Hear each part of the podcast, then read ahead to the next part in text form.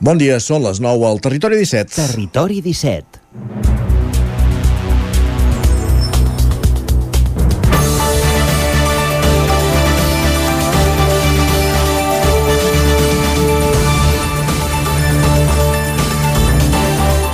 Gir de guió en el cas del veí de Prats de Lluçanès mort de malària, malaltia que hauria contret presumiblement a l'Hospital Universitari de Vic, on va ser intervingut de l'esquena.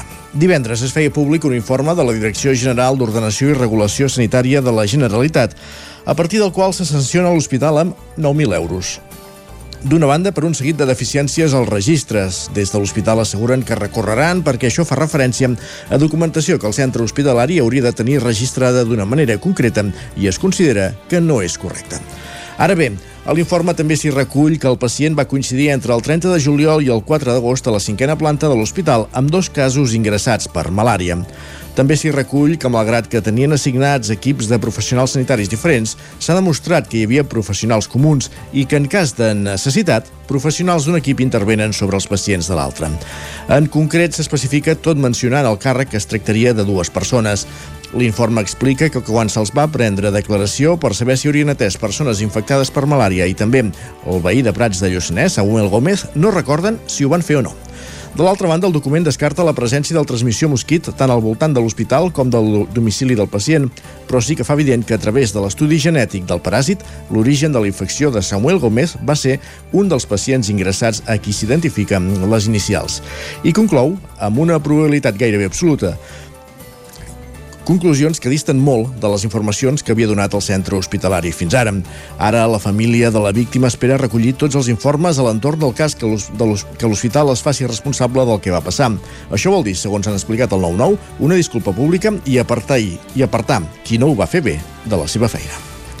És dilluns 14 de novembre de 2022, comença el Territori 17 a la sintonia de la veu de Sant Joan, Ràdio Cardedeu, Ona Codinenca, Ràdio Vic, el 9FM, el 9TV i també ja sabeu que ens podeu veure través, com dèiem, del 9TV, Twitch i YouTube.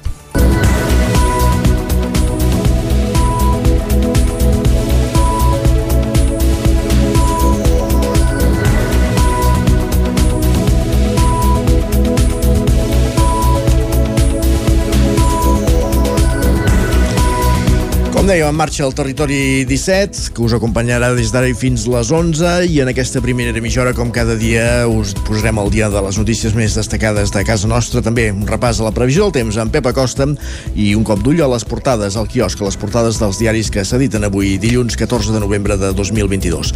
A dos quarts en punt passarem per l'R3, com cada dia amb l'Isaac Muntades, recollint les cròniques dels oferts usuaris, i a l'entrevista ens acompanyarà Maite Anglada, regidora de Medi Ambient i Pagesia de l'Ajuntament de Manlleu, per parlar dels primers dies del funcionament, dels primers dies del, del sistema de recollida selectiva porta a porta a la ciutat.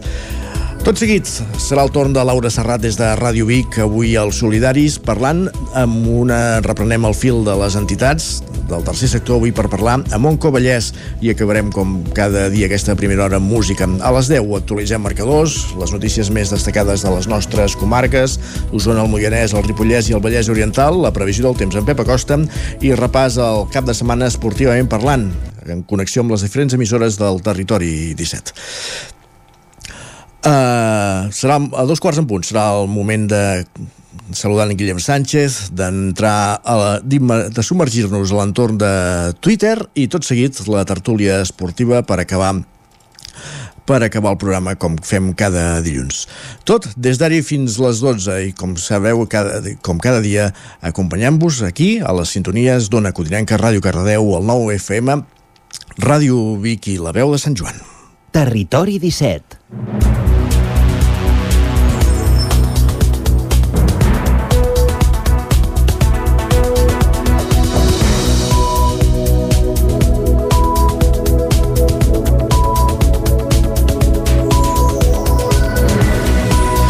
us expliquem a aquesta hora que la Generalitat ha imposat una multa de 9.000 euros a l'Hospital Universitari de Vic per infraccions greus en el cas de l'home mort fa unes setmanes per malària després d'haver estat intervingut al centre. Clàudia Dinarès. Segons avança, avançava divendres al país, la inspecció d'ofici que va iniciar la Generalitat ha determinat que va haver-hi una manca de control i precaucions per part del centre sanitari de Vic i que, per tant, l'àmbit de transmissió de la malaltia va ser amb tota probabilitat a dins del propi centre.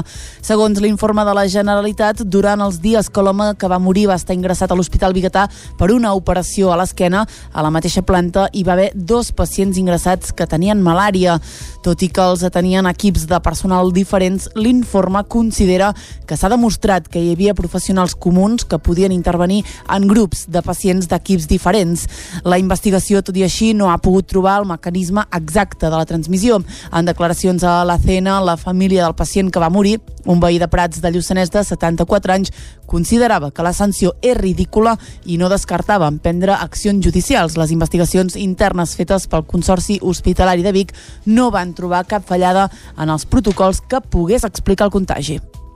Obrim pàgina política perquè a poc a poc anem coneixent els caps de llista que participaran a la cursa electoral del 2023 per governar els consistoris. En el cas de Vic, qui ha mogut fitxes al PSC que aposta pel cardiòleg Miquel Illa com a candidat del partit en substitució de Carme Tena. Si no hi ha cap sorpresa d'última hora, el cardiòleg bigatà Miquel Illa serà el candidat del PSC a l'alcaldia de Vic. Té 74 anys i és l'actual secretari d'organització del PSC a la ciutat. Com a president de l'Associació del Llibre de Muntanya, és també un dels organitzadors de la Fira de Muntanya muntanya de Vic. Tot i ser simpatitzant del PSC, no s'havia implicat mai en política fins l'any 2013, quan es va jubilar. En els últims comicis, els del 2019, es va posicionar com a número 4 de la llista encapçalada per Carme Tena, qui ha ocupat l'única cadira del PSC a la ciutat. Segons ha pogut saber el 9-9, la decisió gairebé ja està presa, però no es farà oficial fins aquest dimecres, quan hi ha programada una reunió a Barcelona entre el primer secretari del partit i el possible candidat bigatà. La proposta li hauria vingut de la mà del líder dels socialistes, Salvador Illa, en una trobada informal que es va produir el passat 14 d'octubre. Pocs dies més tard, el metge Bigatà va convocar una trobada al casino amb càrrecs, militants històrics i simpatitzants de la formació per sospesar, entre d'altres, els suports amb què podria comptar per elaborar una llista potencial que semblaria que ha donat els seus fruits. La Dilla no hauria estat la primera opció dels socialistes, tal com va informar el 9-9 abans de l'estiu. Els socialistes van festejar l'actual primer tinent d'alcalde de l'Ajuntament de Vic, Josep Arimany, per ser el seu candidat, aprofitant l'amistat entre Arimany i l'exministre de Salut i el malestar que va generar en el primer el procés d'elecció del successor d'Anna R hi va haver converses que finalment no van prosperar. I a Tona, Judit Cerdà tornarà a optar a l'alcaldia per Esquerra Republicana. Així mateix ho va anunciar el partit dimecres passat. Esquerra postula de nou Judit Cerdà com a candidat a les eleccions municipals del maig de l'any vinent, la única candidata que tenia el partit per encapçalar la llista. A les municipals de l'any 2019, Cerdà va fregar el miler de vots i va aconseguir tres regidors. L'acord amb Aixequem Tona, amb Amadeu Lleupart a l'alcaldia, els va permetre formar part del govern municipal. Aquest mandat, la ja candidata d'Esquerra s'ha fet càrrec de l'àrea de finances i ha exercit de primera tinent d'alcaldessa. Per ara, Cerdà és la segona candidata dels partits a l'Ajuntament de Tona que confirma que repetirà. Els socialistes ja van informar fa uns dies que hi tornarà a presentar Josep Manel Garcia. Qui encara no ha mogut fitxa és Junts per Catalunya i Aixequem Tona. Més qüestions, anem cap al Ripollès, perquè allà també s'hi ha presentat ja la llista d'independents d'Ugassa amb Carles Mercader al capdavant. Isaac Muntades, la veu de Sant Joan. La tercera assemblea de l'Associació de Persones Veïnes i Amigues d'Ugassa va servir per presentar en societat la llista de Fem Poble, el grup d'independents que concorrerà a les eleccions municipals del maig del 2023. El cap de llista, com ja es va donar a conèixer el març d'enguany, serà Carles Mercader. La seva mà dreta i número 2 serà Alba Coma i el número 3 Joel Arnau. A la llista també hi aniran Josep Mercader, Eva Vilalta, Miquel Bosch, Neus Pascal i Cristian Igualada. Mercader va destacar que són un equip amb gent d'edats diverses i alguns amb experiència en política, ja que Coma i Igualada ja s'havien presentat a la llista de l'actual alcalde Josep Trems l'any 2011 de número 5 i 3. Ho havien estat a l'oposició, com Joel Arnau, que va ser el número 5 als comicis del 2011 amb Convergència i Unió. Tots els regidors que entrin a l'Ajuntament i estiguin a la Junta de l'Associació Veïnal hauran de deixar els seus càrrecs, com per exemple seria el cas de Mercader, que n'és el president. L'associació, que ja compta amb 96 socis, també va tractar temes rellevants per Ugassa que voldrien posar en marxa, com la creació d'una comunitat energètica local. Així ho explicava Mercader. És un tema que també comença a desenvolupar l'actual equip de govern i per tant ja està bé eh, creiem que hem d'anar cap a una utilitat de l'energia solar i la tèrmica de forma mancomunada i hem d'anar per intentar estalviar costos als nostres veïns i veïnes, fer a, a que aquest servei eh, sigui utilitzat per tots. Llavors, vam estar explicant el tema de la comunitat energètica local com a bueno, una acció que costarà primer que s'ha de fer exposició, que s'ha d'explicar, és un tema de consciència col·lectiva, vull dir, no, no és una qüestió fàcil, no? però que, bueno, que sembla que també, doncs ja et dic, eh, l'actual equip de govern també va en, en aquesta línia i per tant doncs és algo que tard o d'hora eh, s'haurà d'acabar desenvolupant. No? En la reunió també es van tractar temes de les quatre comissions en què treballa l'associació, com per exemple la comissió d'obres on es va fer una llista de coses que es van detectar que calia arreglar del municipi i que es va traslladar a l'Ajuntament. Gràcies, Isaac. I el govern de Sant Feliu de Codines es compromet a impulsar un procés participatiu per crear una nova ordenança de civisme després de les crítiques rebudes en l'audiència pública d'aquest mateix document. Caral Campàs, Ona Codinenca. El govern ha afirmat que impulsarà un procés participatiu per crear l'ordenança de civisme de la població, un document que fins ara no existia. Aquesta és la conseqüència de l'audiència pública, on van exposar l'ordenança que ells mateixos havien preparat amb la intenció que els codinencs poguessin fer-hi aportacions i esmenes fins al dia 20 d'aquest mes de novembre. Inicialment es volia aprovar definitivament el ple d'aquest mateix mes amb el seu posterior període d'exposició pública de 30 dies. Algunes de les 13 normes de conducta que van exposar tenien a veure amb les molèsties per sorolls, el comportament als espais públics o als animals de companyia. Laia Jordana, regidora de Via Pública, acompanyada de Dani Fonoll, regidor de Participació Ciutadana, va exposar algun dels punts de la normativa. Després, a la part de l'entorn urbà, eh, la regularització dels, on es pot fer grafitis, pintades, expressions gràfiques i on es poden penjar pancartes, cartells, fulletons i similars, perquè tenim una dinàmica al municipi que tothom penja un vol i hi ha uns, unes cartelleres a cada barri Ara, però, aquesta proposta inicial ha quedat en paper mullat. Bona part de les 30 persones que van assistir a l'audiència pública, que comptava amb alguns representants de l'oposició, van expressar la seva disconformitat amb el contingut i les formes. D'una banda, es va assenyalar els pocs dies de que es disposaven per fer esmenes. Alhora es va remarcar la necessitat de dur a terme un procés ampli i profund des de zero, incloent tots els sectors de la població per tal de poder redactar una ordenança completament representativa. D'altra banda, també es va va posar l'accent en el contingut. Algunes de les normes exposades es consideraven discriminants i molt coercitives i es trobava a faltar la regulació d'algunes qüestions, com per exemple aquelles referents a la regulació d'aparcament i zona blava. El govern s'ha compromès a obrir un procés participatiu, però no ha concretat de quina manera es materialitzarà. Es va apuntar la possibilitat d'utilitzar la plataforma Decidim-ho, una eina que s'ha fet servir per escollir el nom del centre de salut. Des del govern també van desvincular la presentació d'aquesta ordenança amb els aldarulls ocorreguts la matinada de Tots Sants que van acabar amb dues persones ferides d'arma blanca. Gràcies, Caral. Tornem a Osona amb la projecció de la pel·lícula més premiada del gènere, Iris to Summit. Començava dijous la quarantena edició del Festival BBA de Cinema de Muntanya de Torelló. Fins diumenge es projectaran encara 41 pel·lícules que opten a la Flor de Neu d'Or, el premi principal d'un certamen que des de fa temps és de referència. Un total de 41 pel·lícules competiran per la Flor de Neu d'Or, el guardó més preuat del Festival BBA de Cinema de Muntanya de Torelló. Aquest any el festival està d'aniversari, arriba a la quarantena edició, una edició de retorn després de la pandèmia. Joan Salarí, que és el director del Festival BBVA de Cinema de Muntanya muntanya de Torelló. L'expectativa que tenim és poder recuperar el públic havia abans de la, de la pandèmia. Eh, només voldria recordar que l'any passat eh, vam estar preparant tot el festival comptant que hi hauria un 50% d'aforament al final es va obrir a un 100%, però es va obrir 15 dies abans. Les projeccions de les escoles doncs, hi, haurà, hi haurà més gent que mai.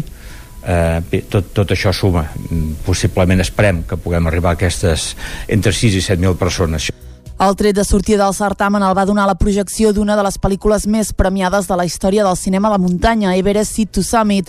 Amb aquesta preinauguració es va donar pas a la secció competitiva que fins diumenge acollirà 41 projeccions de fins a 13 països diferents a la gran pantalla del Teatre Sirvianum i del Casal. Aquest any el festival té una forta empremta catalana. 10 de les produccions seran eh, realitzades a l'estat són, perdó, realitzades a l'estat espanyol, sis de les quals fetes a Catalunya i en català. Fins a tres pel·lícules seran estrenes mundials. Expansió de Montserrat als Alps, l'Escamot Pirinenc i Puyuelo. Dues més seran estrenes europees, l'americana Kumari, The Father's Dream i Tòfol, El corredor infinit. És una feta important i una, una vegada més doncs, reforça aquesta, aquesta idea del festival de, de fer territori també, de fer país i també doncs, de, de, de mostrar la, la, les pel·lícules que es fan aquí que poden competir. Aquest any la mirada se centra en Mongòlia, on el canvi climàtic està acabant en formes de vida tradicionals. Precisament amb l'espectacle Mongòlia, el país del cel blau, s'obria oficialment el certamen aquest divendres. Hi ha moltes coses per explicar, tant de la història, des de, de l'època de, de l'imperi mongol que va arribar pràcticament a, les portes de centre Europa, bàsicament, i llavors doncs, tot el tema aquest de, del canvi climàtic Sí, una activitat paral·lela al festival ha tingut èxit els últims anys. Aquesta ha estat el Torelló Mountain Wines, la quarta mostra de vins de muntanya ha crescut i aquest any ha acollit 22 cellers. L'acte de clausura del festival tindrà lloc aquest dissabte. S'hi entregaran les flors de neu de plata i la flor neu d'or en vuit categories diferents. I a la pàgina esportiva, a la cinquena ha anat la vençuda. El Raider de Viladrau, Eloi Palau, s'ha proclamat aquest cap de setmana campió del món de trial UCI al Mundial que s'està fent a Abu Dhabi. Eloi Palau va protagonitzar una final èpica competint amb dos pilots més del combinat estatal, Alejandro Montalvo i Borja Conejos. Quan semblava que Montalvo tenia el títol a l'abast, Palau va exhibir una conducció perfecta a la zona 5, la més complicada del traçat, aconseguint 60 punts i assegurant-se la plata. Montalvo, però, va caure en aquesta zona i va deixar el títol en mans del pilot usonenc. Palau, que disputava la seva cinquena cita mundialista, ja havia estat tres vegades dins el top 3 del rànquing UCI, va ser campió del món júnior l'any 2016 i es va penjar el bronze mundial absolut l'any passat en la cita que es va, es va disputar a la ciutat de Vic. Justament en l'edició passada va tenir el primer lloc gairebé assegurat fins a la darrera zona, però un error de conducció el va relegar fins a la tercera plaça i per això aquest any tenia ganes de treure's l'espina clavada temporada. L'èxit és, a més a més, especialment important per l'esportista que l'agost de l'any 2019 va resultar ferit per l'explosió accidental d'una bomba de la Primera Guerra Mundial durant una visita turística als Alps després de disputar una prova de la Copa del Món a Val di Sole, a Itàlia. I un últim punt, l'Ignasi i la Laia mm, Pol, pare i filla i de Mollet del Vallès, completen la Panda Rides. Els ha anat seguint en Pol Grau des de Ràdio Televisió Cardedeu. Pare i filla van iniciar l'aventura de la Panda Ride el passat 21 d'octubre, on van afrontar el repte de superar les 6 etapes de la cursa en els 7 dies de la competició, amb un cotxe de fa més de 20 anys d'història. Tot i que els molletans partien sols, han participat més de 300 equips, en un ambient amb molta germanor. Cada dia sortien tots junts a fer la ruta corresponent en funció on es trobaven, i es donaven suport amb algun altre cotxe que ho necessitaven. L'Ignasi destaca la importància de preparar-se bé per afrontar aquest repte i assegura que no és un viatge per gaudir de les vistes i del que et trobaràs pel camí, L'Ignasi i la Laia van ser desqualificats l'últim dia després de perdre's en un dels trens finals, però a banda de la competició han aconseguit superar el seu objectiu, completar la Panda Raid i tornar a casa amb molts bons records. Acabem aquí aquest repàs informatiu que començàvem al punt de les 9 en companyia de Clàudia Dinarès, Isaac Muntades, Caral Campàs i Pol Grau. Moment ara de conèixer la previsió del temps.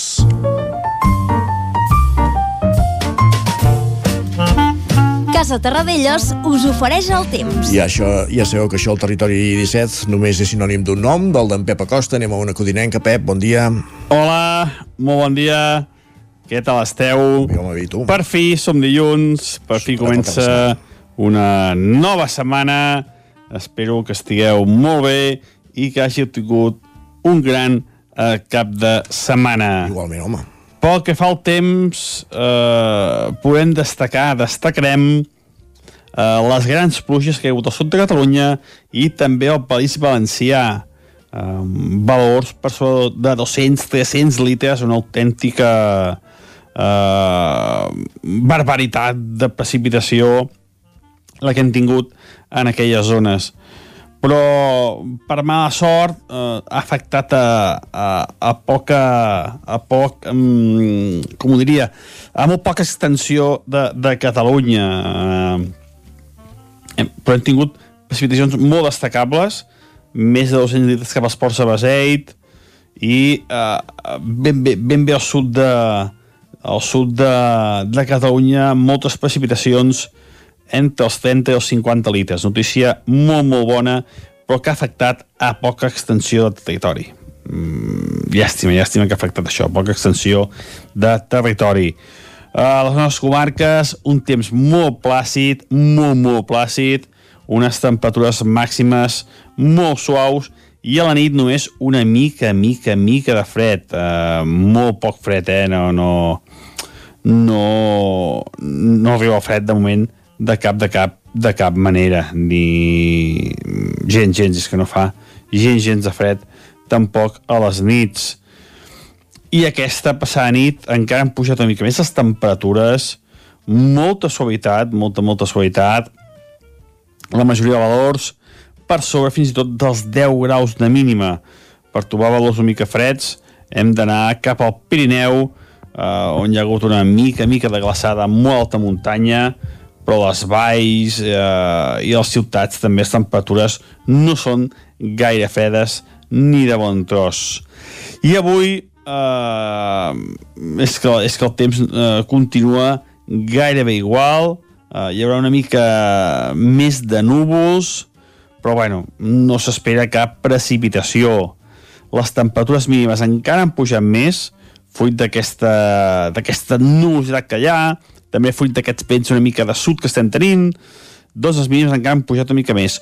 Però les màximes, eh, com que tenim un petit front, molt petit front atlàntic es va costant i deixa una mica més de nubositat, les temperatures màximes baixaran una mica però si baixen és un o dos graus, eh? no, no, no baixaran gaire, no serà gaire destacable aquesta baixada.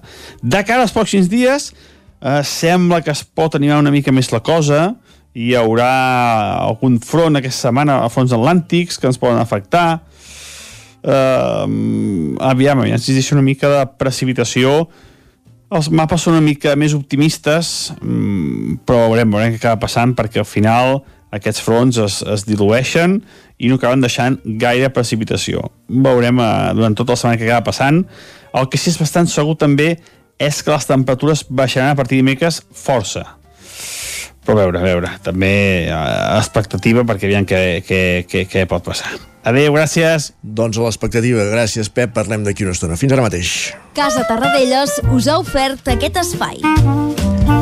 I coneguda la previsió del temps, és moment d'anar al quiosc. És moment de saber què diuen els, avui els diaris a les seves portades. Com a bon dilluns, com a tot dilluns, Clàudia, comencem per les portades de la 9 Exactament, bon dia de nou. Comencem per l'edició d'Osona i el Ripollès, que diu la Generalitat veu infraccions greus de l'Hospital de Vic en el cas de l'home mort per malària. Salut confirma que la infecció es va produir al centre hospitalari, però no determina com. Li posa, això sí, una multa de 9.000 euros. A la imatge hi veiem eh, aquesta matinal per retirar brutícia de Sau, una matinal que ha tingut lloc aquest mateix eh, cap de setmana. Altres titulars, el nou campus de salut de la Universitat de Vic, encallat, diu, per dubtes amb la normativa urbanística i el Voltregà guanya la Lliga Catalana Femenina d'hoquei patins. Anem a l'edició del Vallès Oriental, que diu ajuntaments i empreses del Vallès Oriental ja han rebut 30 milions en ajudes dels fons Next Generation. Els municipis encara tenen pendents, diu, de confirmar almenys 11 milions més. A la imatge principal, cuina per la cohesió a primer de maig de Granollers. Llegim altres titulars. L'Ajuntament de Sant Esteve compra la nau d'aigües del Montseny i Anna Campillo de Mollet guanya el Premi Martí i Pol. Premi Marripol, que es lliurava ahir a Roda de Terra. Correcte. Anem a les portades que s'editen a Barcelona. Va, anem a Barcelona, comencem com sempre amb el punt avui. Avui és uh, divertit, podríem dir, veure com tracta la premsa a uh, la protesta que hi va reunir a milers de persones a Madrid. A Madrid, Mhm. exactament. Uh -huh. uh, ho anirem veient uh, a mesura que anem avançant en les portades. Comencem de moment per al punt avui, que diu empatx d'antibiòtics han perdut efectivitat, diu pel seu mal ús i accés. Hi ha més patògens resistents i no hi ha nous medicaments, diu un enemic invisible i també adaptable. Anem amb la protesta contra Ayuso, aquest precisament és el titular del punt. Diu milers de persones reclamen a Madrid millores sanitàries. Un altre dels titulars diu propaganda amb la vida dels nàufrags. El govern italià de Meloni vulnera drets humans i acords internacionals. Anem al diari Ara que diu Biden manté el control del Senat. El recompte del vot per correu dona in extremis el triomf a Nevada a la demòcrata Catherine Sánchez. A la imatge, Madrid clama contra Ayuso, manifestació massiva amb unes 200.000 persones segons la delegació del govern espanyol contra la gestió sanitària del Partit Popular a la, a la comunitat. Atemptat mortal amb bomba al centre d'Istanbul és una altra de les notícies que ens deixa el cap de setmana.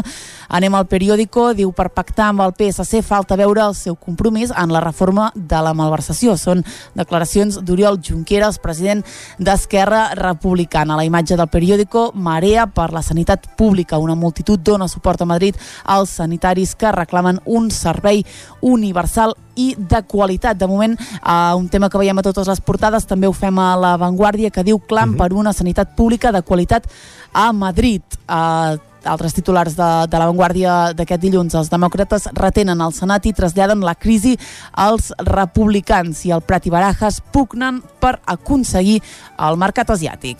Carai. Anem a les portades que s'editen a Madrid. Aquí segurament que la manifestació contra Exacte. el sistema sanitari d'Ayuso també té molt de protagonisme. Uh, de moment uh, l'anirem perdent, eh, aquest protagonisme. Ah, Exacte. Uh, comencem pel país, que sí que li dona força protagonista. De fet, és la imatge de la portada. Diu manifestació massiva a Madrid contra la gestió sanitària d'Ayuso. Un altre dels titulars és Sánchez obre la porta a canvis en el delicte de malversació. Anem al Mundo, aquí ja la veiem molt, molt, molt, molt, molt petitona. Que hi havia dues persones, suposo, la manifestació, no gaire més. Eh? Exacte. El titular uh, principal del Mundo és Rubiales va or uh, organitzar un pla amagat per pagar a Piqué 24 milions per la Supercopa. A la part inferior de la portada, una marxa massiva protesta per l'atenció primària a Madrid i amb una foto uh, molt, molt, molt petitona. A la Razón eh, diu primer impacte de la sedició. Sánchez cau i Feijó puja. A la part inferior també de la portada, la Marea Blanca torna amb una protesta política contra Ayuso. I finalment, a l'ABC sí que li dedica a la imatge de la portada, però alerta amb el titular. Diu l'esquerra fa servir la sanitat com a acte de força contra Ayuso. Carai. Alerta. Alerta, sí. Totes les portades repassades ja, doncs? Tot repassat. Doncs moltíssimes gràcies, Clàudia. Fins ara. I el que fem tot seguit nosaltres és una pausa, com cada dia a aquesta hora al Territori 17, i de seguida el que, farà, el que farem serà pujar al tren, com cada matí fem amb l'Isaac Muntades, recollir les cròniques dels oferts usuaris que cada dia van amb la línia R3, la línia Barcelona-Vic-Puigcerdà. I després d'això, l'entrevista. Avui conversarem amb Maite Anglada, regidora de Medi Ambient de l'Ajuntament de Manlleu, 15 dies després de posar en marxa el sistema de recollida porta a porta a la ciutat. El nou FM, la ràdio de casa, al 92.8.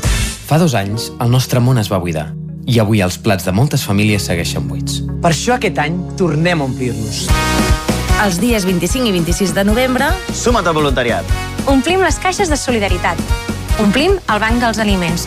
Registra't a granrecapta.com. Ajudar a omple. Has esperat que arribi el fred per comprovar si et funciona bé la caldera? No pateixis, a Casa Jové som especialistes en manteniment, reparació i revisió d'equips d'aigua calenta i calefacció, tant en l'ambient domèstic com industrial. Si tens una avaria, no ho dubtis. Som Casa Jové. Ens trobaràs al carrer Girona, número 9 de Vic i al telèfon 93 886 1596. Casa Jové, el teu servei tècnic de confiança. Al Mirador del Puigsecalm hi trobareu un espai agradable amb la mirada posada en la gent gran, enmig de la natura, a només 15 minuts de la Vall del Gès. Busquem oferir la millor atenció personalitzada per a tots els nostres usuaris, tot des d'un lloc privilegiat al cor de la Vall d'en Bas, amb vistes al Puigsecalm. Residència al Mirador del Puigsecalm, un capital humà al servei de les persones. Trobareu tota la informació a miradorpuigsecalm.cat. Amb Pradell estalvio energia i cuido la meva butxaca i el medi ambient. Posa't en mans a Pradell, són experts en calderes de gas i condensació, estufes de pèl·let, energia solar, terres radiants i geotèrmia. Pradell instal·la calderes de biomassa per a particulars i per a empreses. Si vols estalviar un 50% en consum, contacta amb Pradell i passa't a les energies renovables. Pradell, som a l'Avinguda Països Catalans 27 de Vic. Telèfon 93 885 1197. Pradell.cat. Cobertes serveis funeraris. Els nostres tanatoris estan ubicats en els nuclis urbans més poblats de la comarca d'Osona per oferir un millor servei. Tanatori de Vic, Tanatori de Manlleu, Tanatori de Centelles i Tanatori de Roda de Ter. Sabem que són moments difícils i per això el nostre compromís és atendre-us en tot moment amb un tracte humà, sensible i respectuós. Cobertes serveis funeraris. Telèfon 24 hores 93 883 23 46.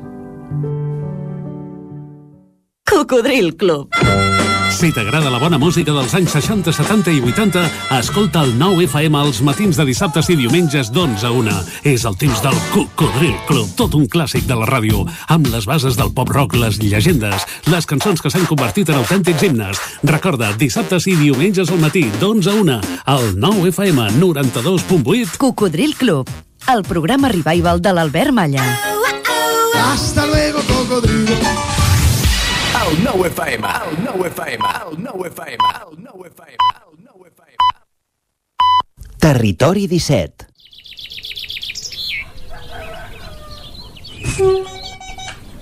A Tren d'Alba.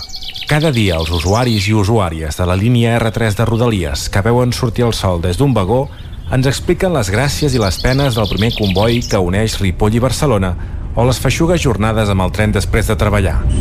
Benvinguts a Tren d'Alba. El divendres passat, la usuària de Twitter Rutier es queixava del vergonyós servei de Rodalies. Explicava que havien tardat una hora per anar de Sants a Montcada bifurcació amb la línia R3. Els van parar per una incidència i els van fer fora del tren sense cap solució. La usuària adjuntava una fotografia amb el tren a petar de gent i dos vídeos en què el comboi anava en direcció a Vic. Una vergonya absoluta. De fet, en Jordi Valls també us ho explica en la seva crònica i demana mesures urgents. Bon dia, sóc en Jordi de Centelles. Avui el tren ha arribat uns 8 minuts tard. Avui bé, divendres fatal. Sabeu el tren, el de Puigcerdà, de dos quarts de cinc, que la setmana, fa dues setmanes, dos divendres, va haver rebel·lió a bordo perquè volien deixar tirada la gent. Arribes? Doncs aquest cop ho van tornar a fer. Aquest divendres van deixar la gent tirada a la bifurcació. El següent tren, amb l'excusa de la vaga, tren curt, eh? Curtet. El següent tren va ser curt, molta gent va quedar a terra. Casualment, jo em van recollir en cotxe, hi havia una companya de tren que estava allà tirada i vam anar fins a Bifurca, cada bifurcació, pels que no en sabeu de què parlo, i la vam rescatar. El tren a petar. El maquinista, tot i que el tren estava ple i amb gent a terra, tot un tren sencer, va tirar. Jo no sé eh, quin nivell de responsabilitat també tenen en tot això, perquè la Renfe, la Renfe és un pastís molt gran. Comencem a fer bocinets petits al pastís i a veure qui és responsable. I més, per què no fem una cosa? Perquè a nivell polític no es fa res, o molt poc. Judicialitzem el servei de Renfe? O sigui, portem-ho a judici, portem als jutjats i que decideixin, i no la Renfe, sinó qui decideix que un tren sigui curt és responsable. Qui decideix tirar endavant sabent que deixa gent a terra i el tren va tan ple que pot ser fins i tot perillós, és responsable. O no, que ho decideixi un jutge. La Deutsche Bahn, els ferrocarrils alemans, fa un temps el que van fer perquè va haver mogudes d'aquestes, que tampoc tots són flors i violes per allà, els alts càrrecs i les persones responsables havien de pagar multes per la seva incompetència. I Renfe demostra una incompetència tècnica i de qualitat habitual. No ho sé, ho poso sobre la taula.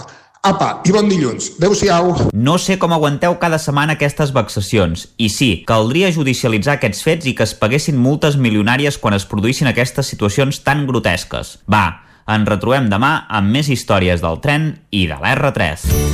Territori 17. Envia'ns les teves notes de veu per WhatsApp al 646 079 023. 646 079 023. WhatsApp Territori 17.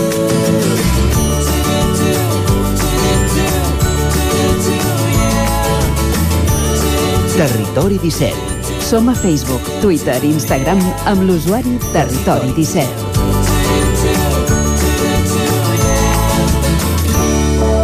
Territori 17, el 9 FM, la veu de Sant Joan, Ona Codinenca, Ràdio Cardedeu, Territori 17.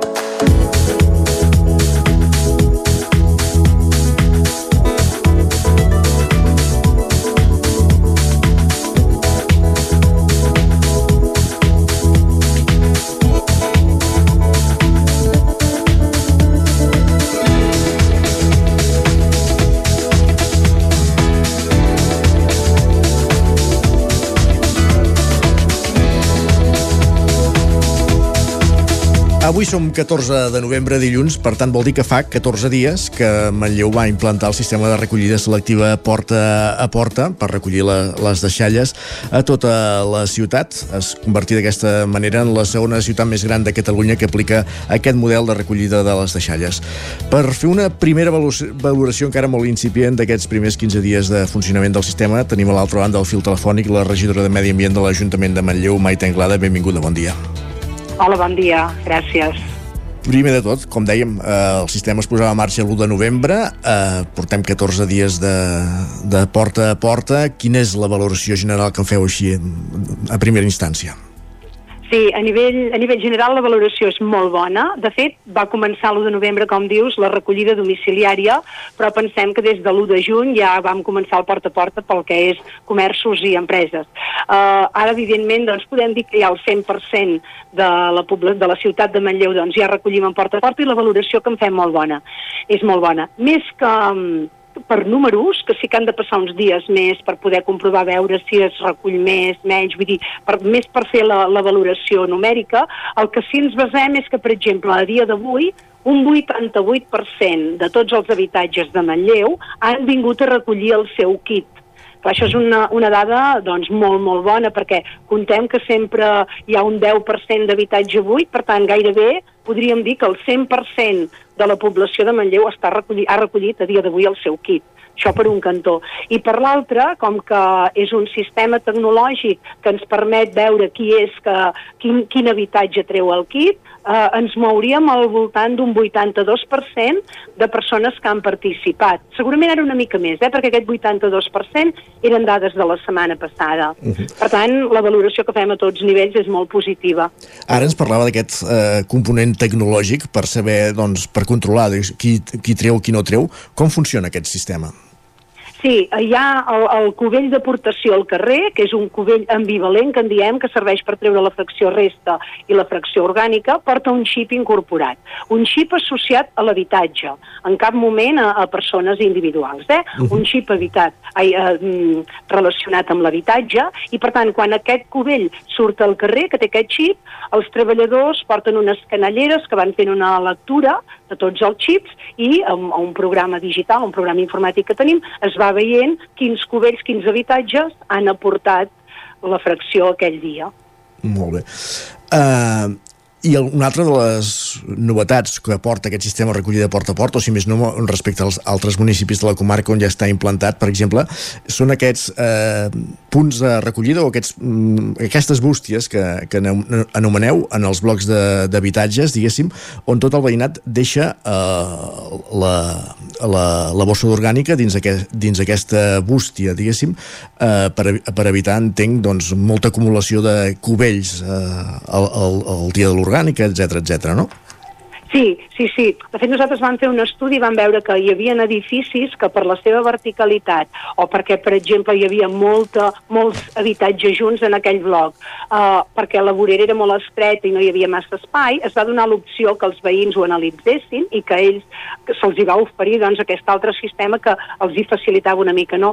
Que no és res més que una bústia que hi ha davant del seu edifici. Aquesta bústia s'obre amb un clauer i només la poden obrir uh, la gent que té accés a aquella bústia, que són els habitants d'aquell bloc. Llavors, aquí igualment, això és com si fessin les aportacions amb el cubell. Cada vegada que un habitant, que una persona d'aquell bloc obre aquella bústia, li consta també que ha fet una aportació. Per tant, el sistema de, de control és el mateix, tant si treus un cubell com si obres aquesta bústia, i després el que està associat a aquesta bústia, que recordem que només és per l'orgànica, és eh, els veïns també tenen unes bosses pel dia que treuen la resta. Una bossa que també porta un petit xip incorporat que fa la funció del cubell. Per tant, tant si ets en bloc plurifamiliar, que tens aquesta bústia i bossa, com si ets uh, del porta a porta així més genèric amb cubell, uh, podem saber les aportacions que fan els veïns i veïnes de Manlleu.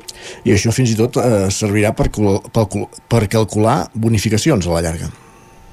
Sí, més que tot per això, no? per veure la gent que aporta, la gent que participa al sistema. Pensem que el que no podem enganyar dient que el, el, la gestió dels residus cada cop és més econòmica, perquè no és veritat.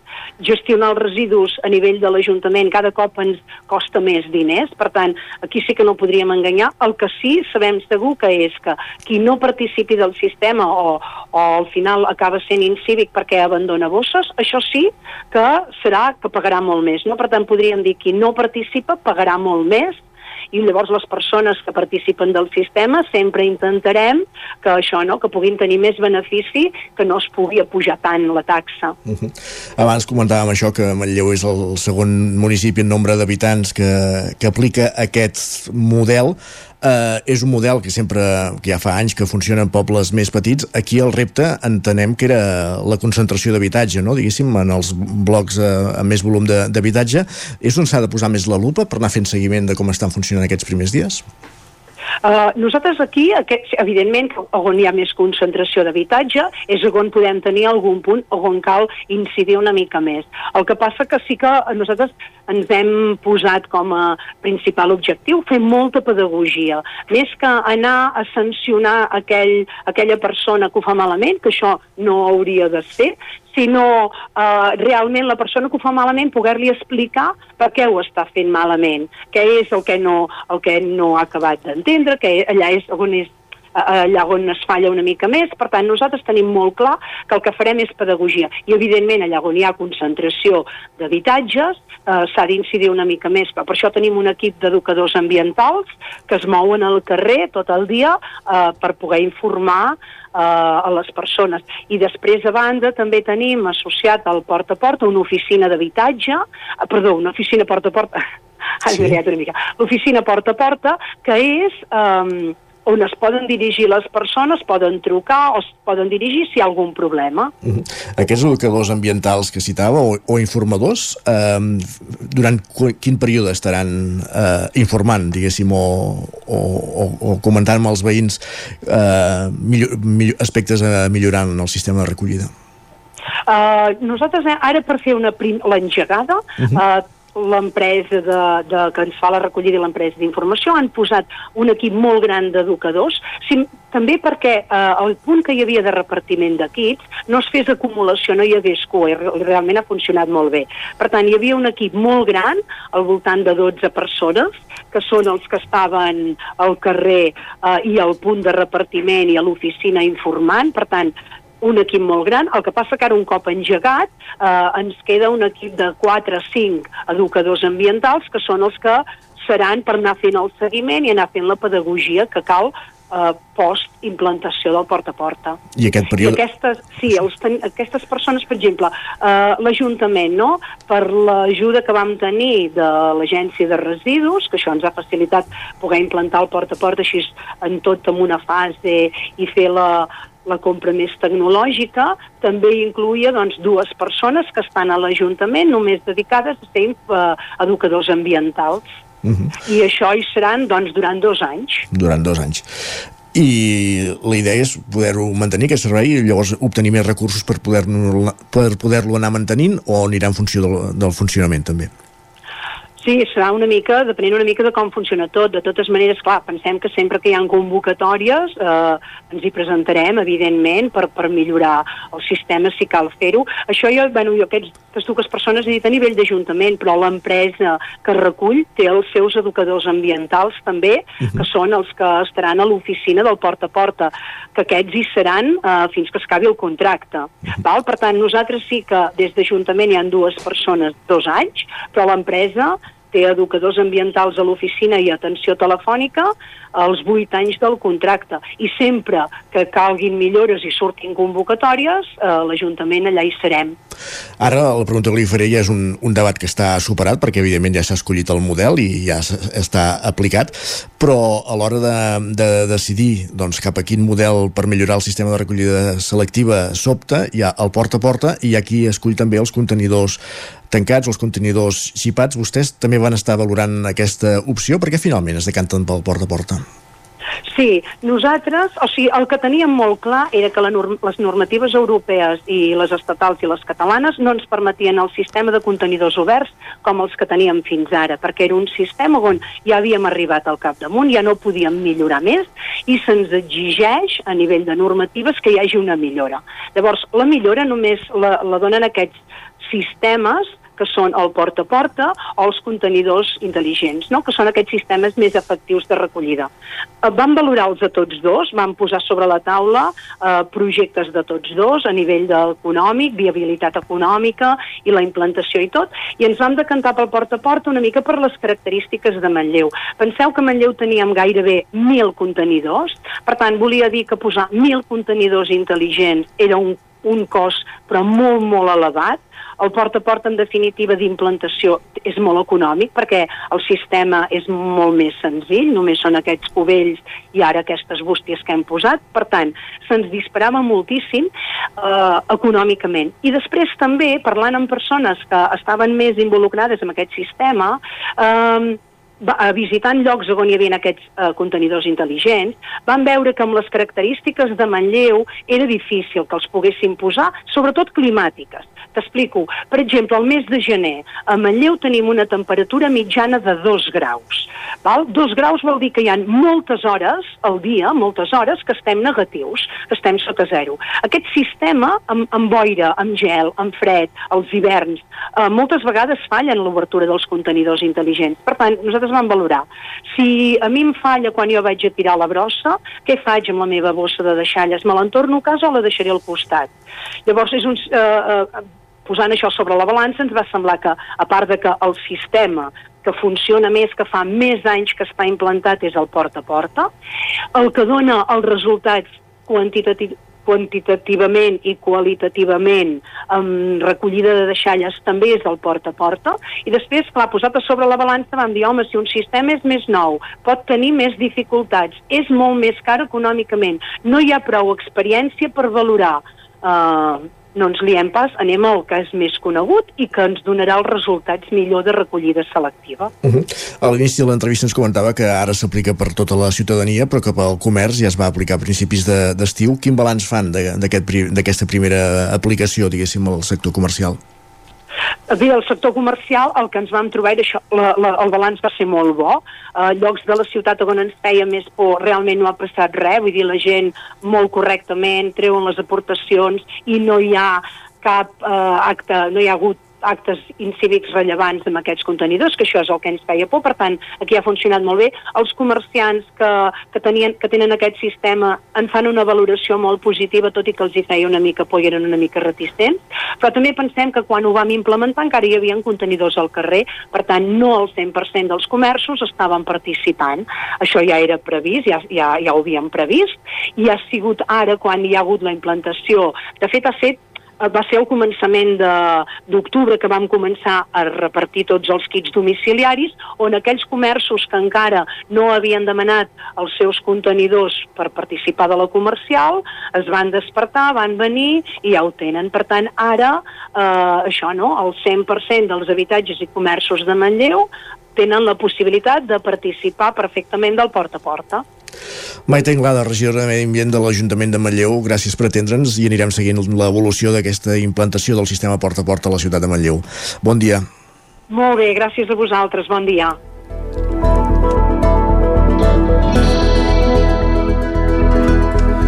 I després de conversar amb la regidora de Medi Ambient de l'Ajuntament de Manlleu, el que fem és anar cap als solidaris.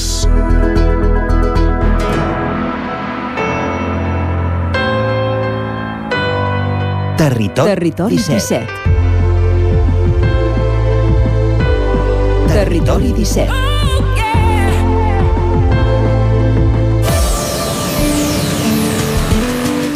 Els Solidaris, l'espai de... que cada setmana ens acosten des de Ràdio Vic, la Laura Serrat, en aquest cas, i ens introdueix al món de les entitats del tercer sector de tot el territori 17. Hem estat fent, durant les darreres edicions, diversos monogràfics sobre aspectes que afectaven entitats de, de les quatre comarques. Avui reprenem el fil d'anar coneixent, d'anar aprofundint en projectes d'entitats, en el cas d'avui com On Covellès, al Vallès Oriental. Ja sabeu, cada setmana el, el Solidaris és una aportació que ens fa la Laura Serrat des de Ràdio Vic.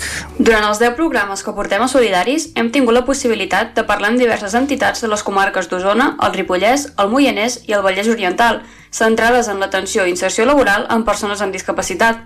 El programa d'avui ens torna al Vallès per encetar un nou camí i parlar amb una entitat que fa anys que s'esforça per ajudar aquelles persones que lluiten cada dia contra el càncer, un Covellès. Avui, des de Ràdio Vic i a través de l'antena del Territori 17, coneixerem a fons una de les associacions referents en l'acompanyament contra aquesta malaltia, tot parlant amb la seva responsable de salut, Carme Grau, qui està implicada des d'un bon començament. La Fundació d'Ajuda Oncològica Oncovellès va néixer fa 20 anys amb l'objectiu de fer costat als malalts de càncer i als seus familiars, Grau ens explica que el projecte el va fundar amb una companya, com a infermeres, arran de la pèrdua d'un familiar proper, i amb la intenció d'oferir ajuda només un parell de tardes a la setmana, sobretot en assessorament d'imatge. Ara són una entitat referent en l'atenció psicooncològica dels malalts del Vallès. L'entitat Oncovallès va néixer el 2002, sempre pensant en el malalt que feia molta falta que hi hagués algú per acollir-lo i tot, però sempre pensant que serien dos dies, dos tardes a la setmana a nivell de voluntariat, de dues infermeres que treballàvem a l'hospital i les dues aleshores doncs, intentaríem sobretot la part d'imatge, cobrir-la, que era un tema important, era un tema que teníem com molt clar que feia falta, que no hi havia ningú per informar i que, com una informació, diríem, eh? Com molt bé pots veure, avui, avui el 2022 donem servei a més de 1.250 famílies, anem a 2.300 aquest any. Famílies, t'estic dient, eh? Perquè llavors també pensàvem en el malalt i mai vam pensar que al costat del malalt hi havia tota una família i que es desestructurava tot. Al cap d'un mes de, de fer el voluntariat, a mi ja se'm demanava que, a nivell d'hospitals, ajuntaments, jo treballava a l'hospital, eh? jo sempre he estat al ran de la salut. La fundació, de fet, va començar perquè nosaltres vam tenir una pèrdua, la meva mare, un càncer, un tumor al cap, que ens va durar dos mesos i 22 dies, i ens vam sentir molt sols, malgrat que tant el meu marit com jo eren persones que estàvem treballant amb salut i teníem les coses cobertes, diríem metges, però el dia a dia no, el dia a dia el teníem molt dolent. I quan vam veure que, que tothom volia venir i que al cap d'un mes doncs, hi havia 20 persones que deien que s'havien d'estar cada dia, que no podia ser, que ens necessitaven, doncs vam començar a demanar espai, espai, espai i al cap de tres mesos ja es va formar la Fundació. Els serveis de l'entitat se centren en l'acollida i l'acompanyament. Grau ens explica que el primer pas és seure i parlar amb el pacient per escoltar la seva història i conèixer les seves necessitats. Després, apliquen tot allò que el pacient necessita i li donen una cobertura continuada en forma de diferents tallers terapèutics i projectes. Ara mateix compten amb l'ajuda de més de 2.000 voluntaris i la responsable de salut afirma que són l'eix vertebrador de l'entitat. Sense voluntaris la Fundació no hagués pogut ni créixer ni... Nosaltres, entre col·laboradors i voluntaris, tenim més de 2.000. Són moltes, moltes les persones, empreses, voluntariat a nivell de carrer, de peu, voluntaris, tothom col·labora amb allò que necessites i a la que crides o demanes alguna cosa, fas una crida i tot, tot es va aconseguint. Al final nosaltres som els que vam començar, però per què? I com ha anat així? Pues ha anat gràcies a tota la gent de l'entorn nostre. Un dels seus serveis és el taller d'imatge, que inclou la roba oncològica, els mocadors, les perruques, la pell, Grau explica que els pacients poden escollir la seva perruca abans que els caigui el cabell i que, afortunadament, fa 3 anys que no les han de pagar. Compten amb molts padrins i padrines que els porten cues i cues de cabell arran d'un projecte que van començar els Mossos d'Esquadra i una escola de perruqueria de Granollers. Grau ens detalla d'altres serveis que han tirat endavant, que fan patent la gran consciència que hi ha al territori.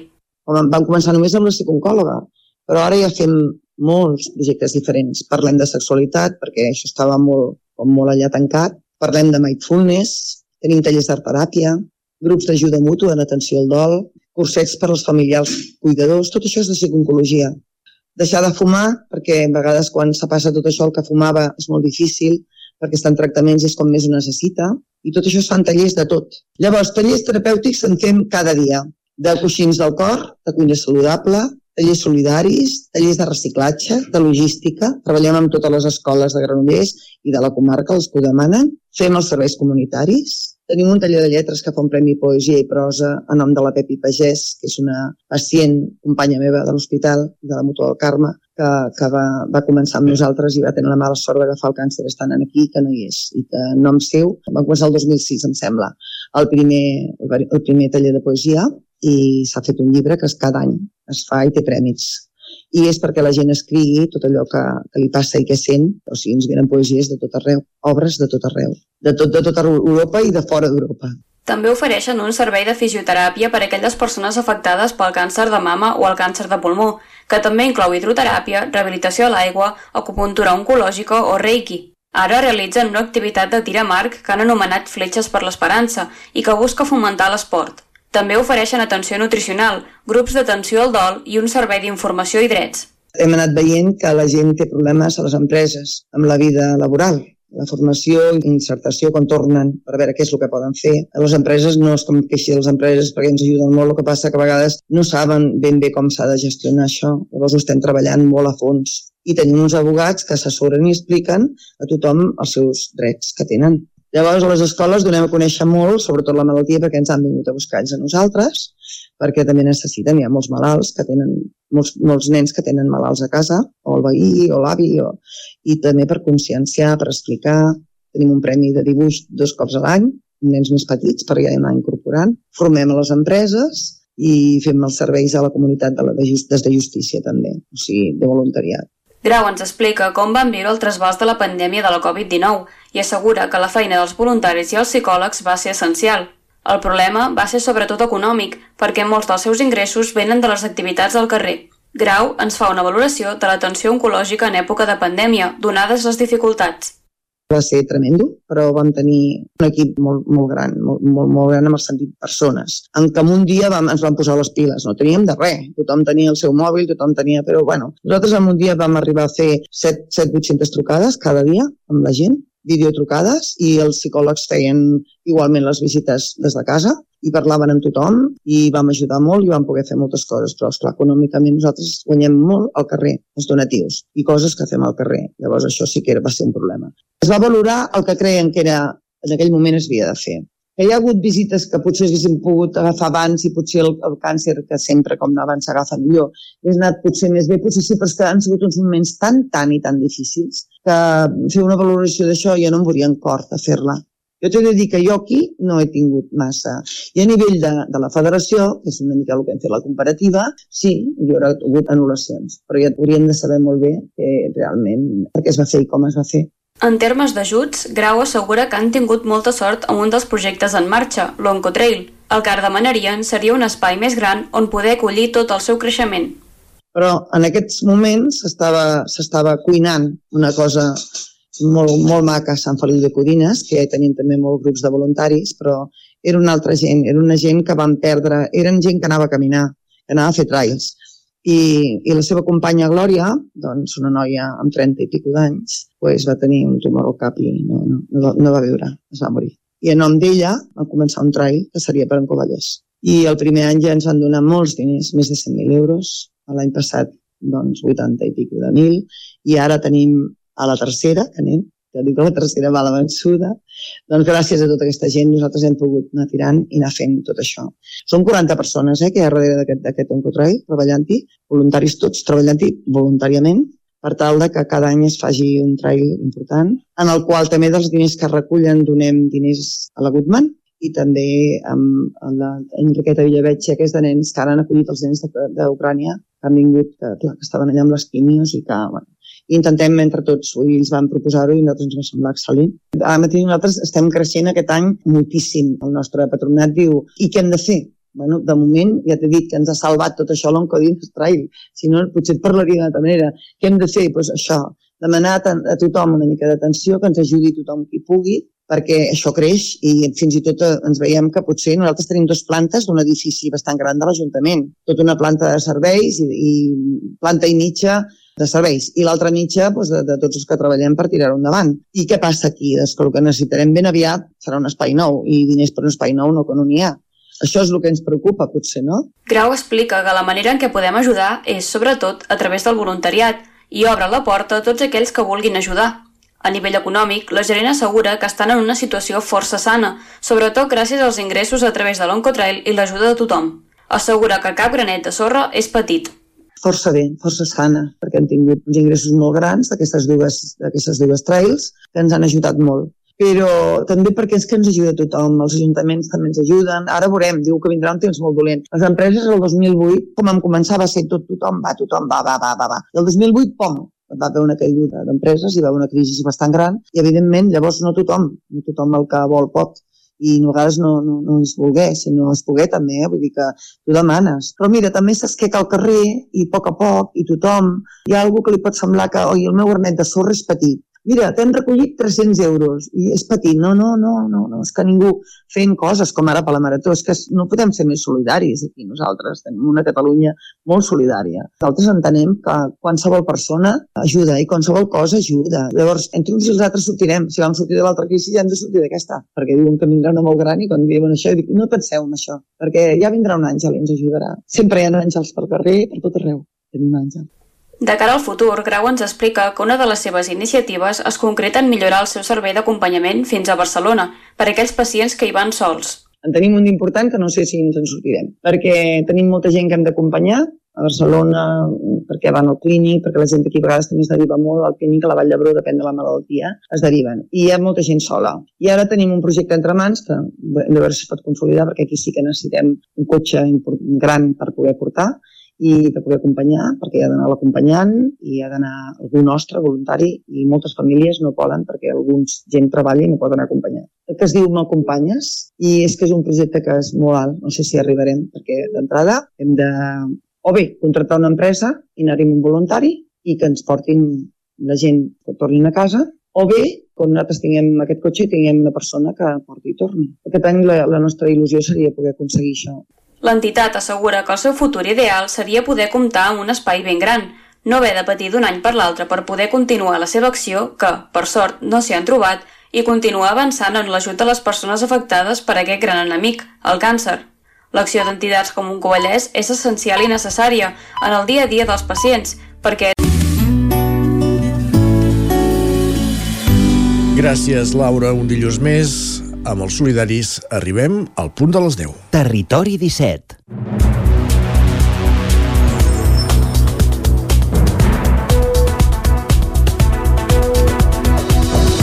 I a les 10 al Territori 17, a quota del programa, és moment d'actualitzar-nos, de posar-nos al dia amb les notícies més destacades de les nostres comarques. Osona, el Moianès, el Vallès Oriental i el Ripollès, en connexió amb les diferents emissores que dia a dia fan possible aquest programa, la veu de Sant Joan, una Codinenca, Ràdio Cardedeu, Ràdio Vic, el 9 FM, i ens podeu veure també a través del 9 TV, Twitch i YouTube. Núria Gil i Oriol Capdevila són dos usonencs que es desplacen pràcticament a diari amb tren. Des del passat mes de setembre han estat testimonis de les constants avaries i incidències que s'han produït a la línia R3. Clàudia Dinarès. Les incidències i les avaries han marcat l'arrencada del curs pels usuaris de la línia R3 a la comarca d'Osona, un escenari que s'ha complicat a causa de les obres a l'estació de Sagrera de Barcelona, la gratuïtat dels abonaments i les fotografies a les xarxes amb trens massa carregats de passatgers. Qui pateix a diari les incidències i els retards de la línia és la bigatana, la bigatana Núria Gil, que de dilluns a divendres fa el trajecte entre la capital usonenca i l'estació de Torre Baró per motius laborals. Dijous, però, va haver de fer nit a Barcelona per esquivar la jornada de vaga a Rodalies que convocava aquest divendres a les hores punta. Bueno, jo havia de ser a les 8 del matí a Torre Baró i com que últimament, en lloc d'arribar a les 8 menys 10, arribo a les 8 i 10, no podia arriscar-me a arribar a aquesta hora i encara menys demà que hi ha vaga, que no sabia a quina hora arribaria. Llavors, per assegurar que podia ser puntual, doncs m'he hagut de quedar a dormir a Barcelona. En el seu cas assegura que el pitjor del tren a dia d'avui és l'elevada ocupació dels convois. No hi cap ni una agulla, tens moltíssima gent a prop, però a prop vol dir aquí davant. Uh, no tens, bueno, clar, no et pots agafar en lloc, però com que tens tanta gent, ells mateixos et paren el cop, però és molt, molt claustrofòbic. Amb aquesta situació de sobreocupació també hi ha hagut de conviure el torellonenc Oriol Capdevila que en els últims mesos ha agafat el tren per anar fins a Barcelona o també fins a Vic. Sobretot els divendres a la tarda és una cosa horrible. He hagut d'anar uns quants divendres a, a Barcelona això per feina i, i tornar el divendres a la tarda amb la R3 és, és, és missió impossible. Tens aquesta sensació d'enxubament, per dir-ho d'alguna manera, no? d'anar molt apretat amb molta gent tant Gil com Capdevila lamenten que no s'aposti per millorar un transport que asseguren, si anés, si anés bé, seria molt pràctic. Cal un milió d'euros per fer viable l'escorxador del Ripollès o mig milió si s'hi deixa de matar porcí. Isaac Muntades, la veu de Sant Joan. La presidenta de l'escorxador del Ripollès ubicat a Ripoll, Manoli Vega, va donar un ultimàtum al Consell d'Alcaldes i Alcaldesses del passat dimarts per evitar que l'equipament hagi de tancar. Cal recordar que l'escorxador ja va rebre una subvenció de 100.000 euros provinents del Departament d'Acció Climàtica per fer-hi una reforma d'emergència per tal de complir la normativa sanitària més urgent. Per completar la modernització de l'escorxador, caldrà un milió d'euros més d'inversió i es podrà posar a punt duren un màxim de 3 anys. Actualment a l'escorxador s'hi maten 5 espècies, porcí, oví, cabrum, equí i boví, i en el cas de deixar de matar porcí, la inversió reduiria mig milió d'euros. S'està buscant el finançament per fer-lo viable en una línia d'indústries alimentàries que donaria un màxim de 500.000 euros, però caldria una empenta més del Departament d'Acció Climàtica i de la Diputació de Girona. Vega va fer la següent proposta. Us demanem el compromís com a comarca de dir, doncs, escolta, apostem per l'escorxador o no hi apostem. Per tant, jo no sé si hem de fer una comissió més petita o no de com, de si això ho hem de tirar endavant, eh, ho podem encaixar o no ho podem encaixar, però la resposta de la Diputació més o menys sí que la tenim en aquest sentit. És el tercer o quart Consell d'Alcaldes que venim. Ens agradaria que ara doncs, ja tinguéssim una resposta definitiva perquè, com bé deies, vull dir, ja estem arribant a un punt que o ho fem o tirem endavant o, o pleguem. Però si pleguem, doncs que siguem tots els que diguem pleguem. I llavors, doncs, bueno, ja, ja seria una pena. A l'escorxador comarcal hi maten 73 explotacions de tots els pobles del Ripollès i també d'algun d'Osona, que reparteixen a 176 proveïdors i clients de la comarca. Si l'escorxador tanca, moltes explotacions plegaran. La importància que l'escorxador es modernitzi és capdalt, perquè així es podrien atreure els ajuntaments de la zona del Bisaure perquè es facin socis i també hi vinguin a matar. De retruc, aquest fet obriria la porta a rebre possibles subvencions de la Diputació de Barcelona. No es vol que sigui un escorxador rendible, sinó que es doni suport i servei al sector primari. Raquel Serrat, que és la responsable responsable de Medi Rural i Polítiques de Muntanya de la Unió de Pagesos de Catalunya, va catalogar l'escorxador d'infraestructura clau per la supervivència de la ramaderia extensiva del Ripollès i de comarques veïnes, perquè hi venen ramaders petits d'indrets fronterers. Especialment pels productors d'oví i també pels de boví aquí que es fan al cicle tancat. Per què? Doncs perquè els grans escorxadors no t'acceptaran a matar 5 xais per tu, 3 per mi, eh, un vedell del veí. Els volums que entren a la cadena de sacrifici són molt més grans i no estan preparats pels productors petits. No? A més, que suposa un increment, un increment de costos pel ramader o carnisser, ja que són lluny i cal un desplaçament. No? Això també fa que el consumidor perdi garanties de, de traçabilitat, proximitat i sostenibilitat. Per ara, els únics ajuntaments que no han volgut fer-se socis de l'escorxador o abonar una subvenció són Ugassa per motius econòmics i Campelles per falta de suports dins del mateix consistori. Anem cap al Vallès Oriental. Les aldees infantils de Sant Feliu de Codines han celebrat els 50 anys d'història amb un acte institucional a les seves instal·lacions, que era el campà zona codinenca. L'organització Aldees Infantils, que compta amb una gran instal·lació a Sant Feliu de Codines, pionera i única a Catalunya, ha celebrat el seu mig segle d'història. Ho ha fet amb un acte institucional aquest matí amb la participació de diversos representants polítics i alhora representants de totes les escoles de la vila. Una de les intervencions més destacades ha sigut la de dues persones que havien sigut usuàries de les aldees. L'Erna Lievat és una d'elles. Eh, pues eso, yo estuve en la aldea desde los 16 hasta los 18 y, y realmente fue un caso muy específico el mío porque como que normalmente hay una situación de riesgo y la persona, ¿no? el niño o la niña, pues se lleva al, centro que haya en ese momento, a donde haya plaza y punto. Yo no, yo tuve una experiencia pues traumática, ¿no? Una, un, murió mi madre y, y, digamos que no se podían hacer cargo de mí lo que fuera, yo decidí, ¿no? La mejor opción fue buscar un centro y hasta me prepararon para ver otros centros, para ver lo que me esperaba. Es decir, como que hubo una, toda una preparación para que yo no llegara aquí con 16 años diciendo qué hago aquí, dónde estoy, qué es esto, ¿no? Francesc Torralba, vicepresident d'Aldees a Catalunya, ha parlat de la desestigmatització d'aquests infants i joves i dels orígens del projecte d'Aldees Infantils. No es pot parlar d'aldees infantils SOS sense tenir en compte dos noms.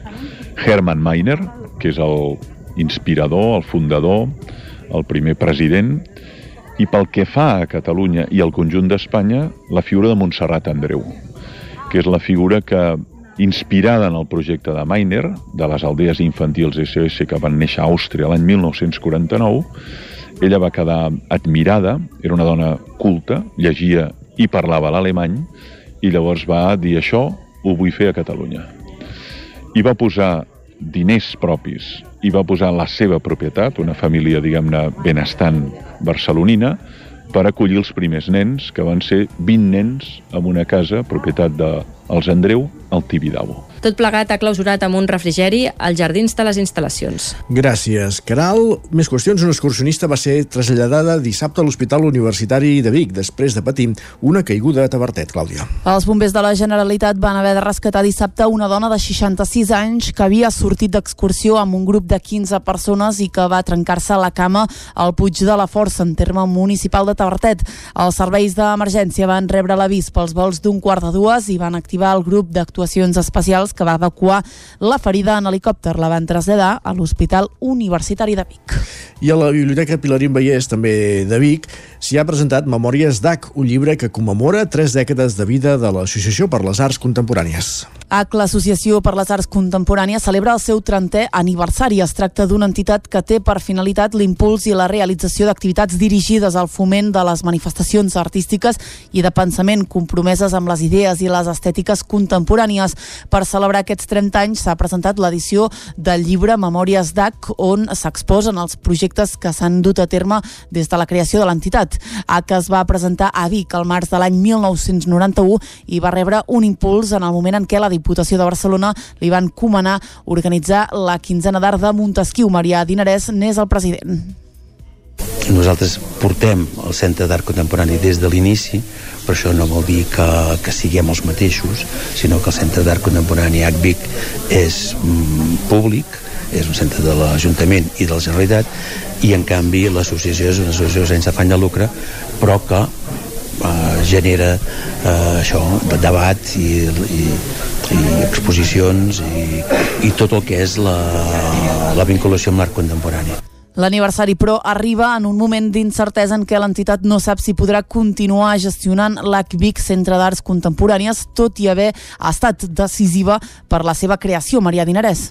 Ara està confús com tots, tots estem molt confusos en general i, i ho està hi han moltes arrels eh, s'ha obert moltíssim. Justament el bo de l'art contemporani és que és molt transversal i que té moltes branques.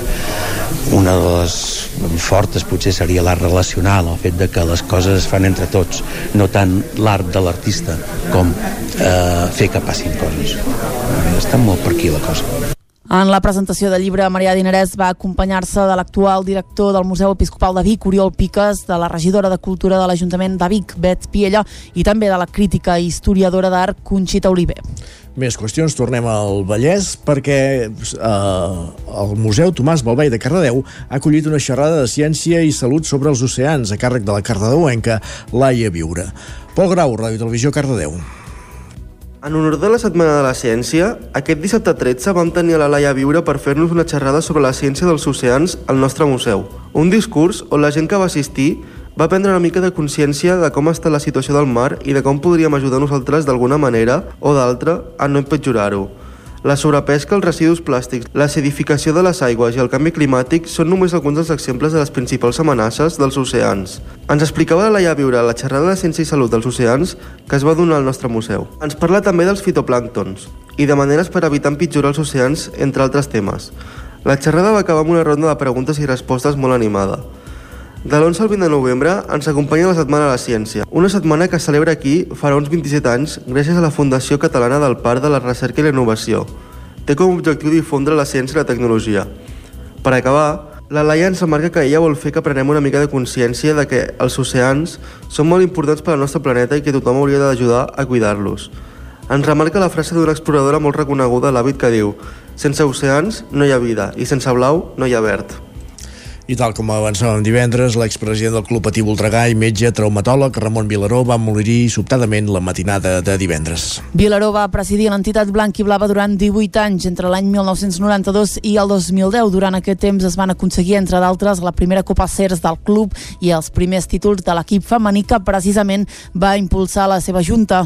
La passada primavera el 9-9 i el 9-TV van reunir per primera vegada els integrants de l'equip que va aconseguir la Cers just quan es commemorava el 20 20è aniversari. Des del club feien arribar divendres el condol a la família, amics i directius, col·laboradors del club i també jugadors que van compartir projecte amb la que ha estat, citaven textualment, una de les persones clau en la història del Voltregà.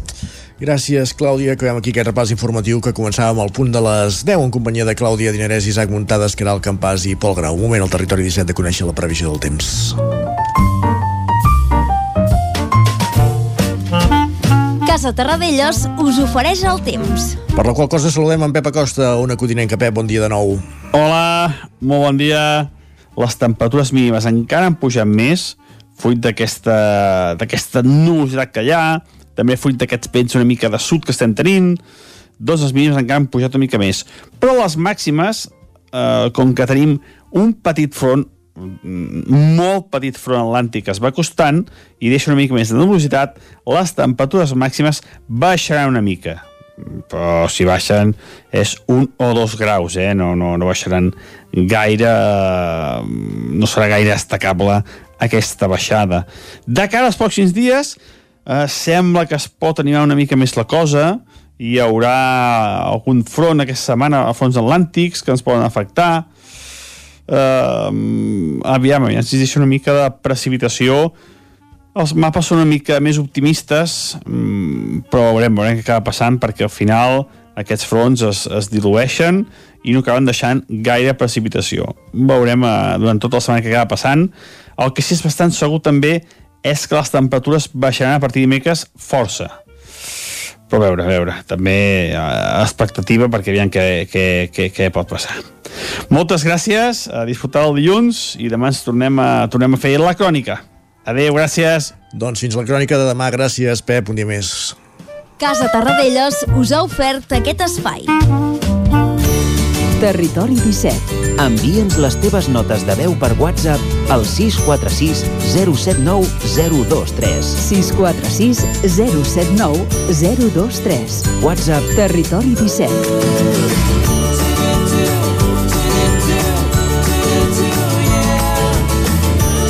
Territori 17. Som a Facebook, Twitter i Instagram amb l'usuari Territori 17.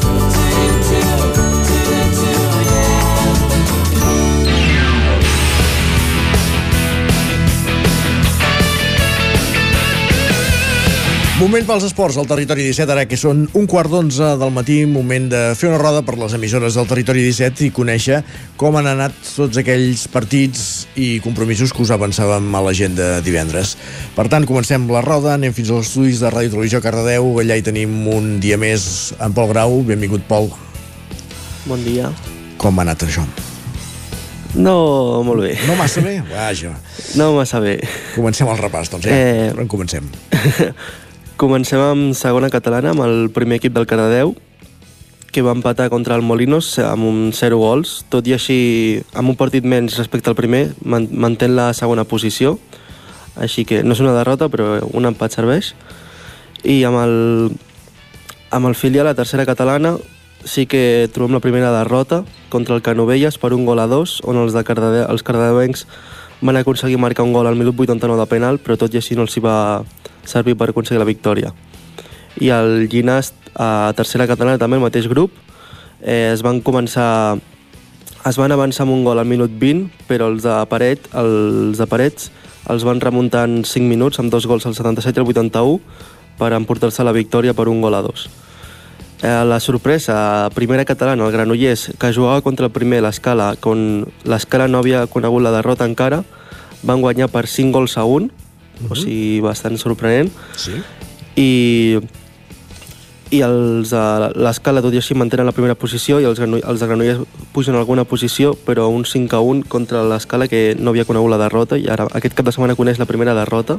Per tant, victòria de mèrit pel I Granollers. passem a la Lliga EVA. Molt bé on els de Granollers, els de bas, el Club Bàsquet Granollers eh, eh, fa la derrota també per, contra el Ten Espar, Esparreguera per 80-72 i el Ginast, que encara no, no coneix la victòria, també ha, ha perdut contra el Vilassada del Rogers per 53 a 80 i acabem amb el Franklin Granollers, que sí que va guanyar contra el eh, ECA, ara com es, de, no sé com, com es deia, el Badahuesca, Uh -huh. per, eh, l'he perdut, per 31 a 36. O sigui, tenim dos victòries aquesta setmana, però bons resultats. Exacte, només dues victòries, però avoltades. Gràcies, Pol. A tu. Parlem després. Avancem, Adéu. continuem amb aquest recorregut per les emissores del territori 17, anem fins a una codinenca, allà ens hi espera la Caral Campàs. Caral, bon dia. Hola, doncs si us sembla començo per l'hoquei on tenim competició a segona a l'hoquei Lliga Plata amb el Sant Feliu de Codines, que després de vèncer la setmana passada contra el Massanet eh, no van ser capaços de seguir amb aquesta bona dinàmica i van caure de manera contundent contra les Rozas per 4 a 0. I en futbol, la tercera catalana, el grup 5, el Mollà es va imposar al Santa Eugènia en un partit que va acabar 4 a 3. El Sant Feliu de Codines, que també el tenim al grup 5 de tercera, mm, rebia l'aigua freda i va empatar a 2 i aquests eh, dos resultats eh, distancien finalment Mollà i Sant Feliu de Codines que les últimes jornades competien per la, per la segona posició. Mollà era segon amb 22 punts i eh, el Sant Feliu és tercer amb 20 punts. Uh, I en aquest grup 5 de tercera encara el Vigas uh, va fer el seu millor partit de temporada contra el Roda de Ter en un partit que va acabar per 6 gols a 1, una victòria però que no el treu de ser cué de la competició. I encara tercera, però el grup 7, el Caldés es va imposar al Sallent en un partit que va acabar 3-2. El Caldés suma així 3 punts i se situa en sisena posició. I per acabar, a primera catalana, en futbol, el grup 1, el Caldes es va endur la victòria contra el Palamós en un maig que va acabar 2-3. Els calderins sumen així 3 punts que els ajuden en la lluita per les primeres posicions de la classificació. Gràcies, Caral. Continuem aquest recorregut. Anem fins a la veu de Sant Joan. Allà ens espera l'Isaac Muntades. Bon dia, Isaac. Bon dia, bon dia. Com ha anat la cosa aquí dalt?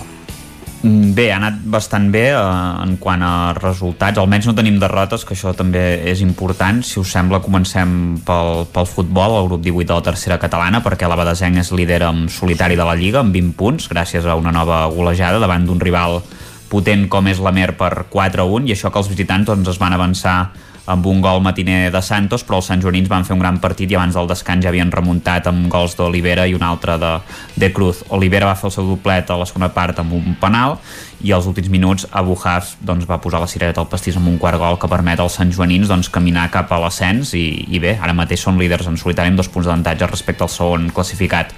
De fet, el Canal li va fer un favor a la Badesenc en derrotar les preses per 2 a 1 en un partit on els locals van tenir infinitat d'ocasions i els hi va faltar punteria. En Guita va marcar de penal i ell mateix va marcar de cap el gol de la victòria Salines havia retallat distàncies amb un golaç prèviament. El Candànol és 6 amb 15 punts, mentre que el Camprodon es queda en desena posició amb 13 després d'empatar a un contra les Planes en un maig on va perdonar massa. Els garrotxins es van avançar al final de la primera part a través de, de Mundet i Planella només van poder empatar a la segona amb un xut eh, des de fora l'àrea. Pel que fa a la Lliga Nacional Catalana d'Hockey Patins, l'Hockey Club Ripoll va empatar a 0 contra el Vilanova de forma increïble en un partit doncs, en què els visitants van ser superiors a la primera part, tot i així el Ripoll va aconseguir enviar dues pilotes al pal i a la segona meitat la inèrcia, la dinàmica es va capgirar els locals doncs, eh, van ser superiors i van enviar fins a 5 pilotes al pal però no van poder perforar la porteria rival i ara mateix són quarts amb 10 punts a falta d'una jornada per acabar la primera volta. A la Lliga de Primera Nacional de Futbol Sala, l'Escola de Futbol Sala Ripoll Servicat va empatar a un contra el Montsant Sala 5 en un maig molt igualat, que va arribar amb empat a 0 al descans. A la segona part, tot i tenir més ocasions al Ripoll, doncs es van avançar els visitants, però Pere va aconseguir empatar. Uh, la victòria es va resistir, doncs, tot i l'empenta al local final. Els ripolleros són vuitens amb 8 punts a la meitat de la taula, però només 3 punts de la zona d'ascens. Uh, dos coses per acabar. Aquest dissabte es va disputar la vuitena edició de la cursa de muntanya Centúria Trail de Sant Pau de Segures, que va reunir més de 200 participants repartits entre la prova més dura, la Gladius, i la més assequible, l'Escutum. La primera amb 25 quilòmetres i 1.780 metres de desnivell doncs la va guanyar Albert Llong amb un temps de 2 hores 39 minuts i 51 segons. Seguit de Xavi Llamas i Enric Brotos. I en la categoria femenina va vèncer Aina Casas amb un temps de 3 hores 12 minuts i 46 segons. La van acompanyar Anna Ongaro i Natàlia Buti. Ivan Moreno i Taís Pendinat doncs, van ser els pensadors de la prova curta de, de 15 quilòmetres. I dir-vos que el Sant Joaní Aniol Llamas s'ha proclamat un campió d'Espanya de trial en la categoria cadet aquest diumenge en l'última prova disputada a Cal Rosal, al Berguedà fins a l'última hora ha tingut opcions de victòria en la general, que ha estat per Mas Marcos Combarro, no ha pogut ser, però evidentment doncs, una medalla de plata eh, molt desitjada per al, per al Sant Joaní i que és un èxit esportiu, sens dubte. Perfecte, Isaac, moltíssimes gràcies. Fins ara. A vosaltres, fins ara. I avancem en aquest eh, recorregut per les emissores del territori 17 i acabem als estudis del 9FM amb l'Ester Rovira. Bon dia. Bon dia. Aquí sí, amb un, amb un altre campió del món per segona setmana consecutiva. La setmana passada patinatge i avui trial i anem fins a Abu Dhabi. Sí, anem molt forts, eh? Portem, portem uns dies que, que anem de campió del món en campió, de, de campió del món. Uh, aquest cap de setmana el rider de Viladrau, Eloi Palau, uh, a la modalitat de, de trial ciclista. Sí. Uh, I com deies, a Abu Dhabi, a un dels Emirats Àrabs Units, uh, on es disputava aquest campionat de, del món de diverses disciplines ciclistes uh, urbanes. Uh, recordem que Eloi Palau ja havia estat campió del món júnior fa sis anys, eh, i que la temporada passada eh, en el Mundial que es va fer a Vic amb gran èxit de, de públic eh, i, i molta repercussió eh, va estar lluitant per aquesta victòria fins a l'última zona però un error de conducció el va relegar a la tercera plaça i per tant doncs, aquest any hi havia ganes especials d'aconseguir eh, aquest èxit pel qual feia molts anys que, que treballava i que és especial també per, per aquest eh, jove de, de 24 anys eh, usonenc perquè recordem que, que fa 3 anys eh, van a disputar una prova de la Copa del Món als Sí. Alps italians i un cop acabada la competició amb uns quants de, dels participants catalans van aprofitar per fer turisme l'endemà al matí eh, i van pujar doncs, a, a una de, de les muntanyes de, de la zona on estaven i va resultar ferit per traces de munició de la Primera Guerra Mundial eh, un fet absolutament impensable i, i surrealista i que doncs eh, per sort eh, no li va impedir eh, continuar, continuar endavant amb la seva carrera però que mm, va necessitar una recuperació llarga perquè li va afectar eh, doncs especialment a, a una mà eh, a, aquest, aquest episodi. Um, finalment aquest cop com dèiem uh, una final rodona uh, en què va doncs, ratllar la perfecció li va permetre aconseguir finalment el títol en, en categoria absoluta en la categoria de 20 polzades que és la, el tipus de roda uh, que, practica, que practica ell. Um, això, doncs, uh, pel que fa uh, al trial. En hoquei també teníem la mirada posada en un altre mundial, en aquest cas era el d'hoquei patins, Però no, però aquí la medalla no ha estat d'or, sinó de, de plata, perquè la selecció estatal que capitanejava la Manlleuenca, Anna Casa Ramona, va caure a la final contra l'Argentina uh, per 3 a 0 i, per tant, medalla de plata la que s'han hagut de penjar al combinat. Hem de dir que hauria estat el quart mundial d'Anna Casa Ramona, per tant, poca broma, uh, però així suma també doncs, ara una altra plata, ja en tenia una també en un mundial, uh, segona plata per a ella, uh, mentre que la selecció masculina, on també hi havia dos usonencs, ha acabat finalment, Xavier Malian i Ferran Font, ha acabat finalment en cinquena posició. Uh, també en hoquei, uh, aquest cap de setmana es disputava la final de la Lliga Catalana i en categoria femenina aquesta ha estat per al Voltregà, que va guanyar el Sant Cugat a la final per 3 a 4, uh, títol d'aquest jove Voltregà, carregat de, de joves de, del club, uh, que capitaneja ara, uh, o que lidera ara uh, David Noguera, capitaneja Esther Vistós, per tant, uh, èxit uh, també per elles i encara en hoquei, eh, derrotes dels tres conjunts eh, usonencs a l'hoquei Lliga Plata, el Taradell 5 a 6 a casa amb el Lloret, el Manlleu eh, que començava aquest cap de setmana, que no ho havia fet fins ara per aquests mundials d'hoquei patins, 3 a 0 a la pista del Xum i el Patí Vic golejat 8 a 3 a la pista de, de l'Alcobendes. Dic que la setmana que ve ja recupera les hoquei lligues, a més a més ho farà amb derbi femení a la, a la femenina, per tant, normalitat. molta, sí, molta activitat. I acabem amb futbol, destacant un empat sense gols del Tona casa contra la Pobla de Mafumet, una, això tercera federació, una victòria, la segona seguida del Vic a la primera catalana, 1 a 0 a casa contra el Bescanó, i derrotes del Manlleu 1 a 2 a casa contra el Figueres, i del Torelló eh, 2 a 0 al, al camp del, del Banyoles, en aquest cas els resultats que no han acabat d'acompanyar, i en bàsquet dir també derrota del Club Bàsquet Vic a Saragossa, 75 a 71 ajustat contra l'Alfinden. Doncs déu nhi tot el que ha donat aquest cap de setmana esportivament parlant, i d'èxits, i de medalles, i de tot plegat. Gràcies, Esther. Que vagi molt bé. Bon dia. I avancem, fet el repàs esportiu al territori 17, com fem cada dilluns. El que fem tot seguit és una petita pausa per la publicitat, i ja ens esperen les piolades, i acabarem el programa com cada dilluns també, amb la tertúlia esportiva. Re, 3 minuts, i tornem a ser aquí amb tots vosaltres. Fins ara mateix.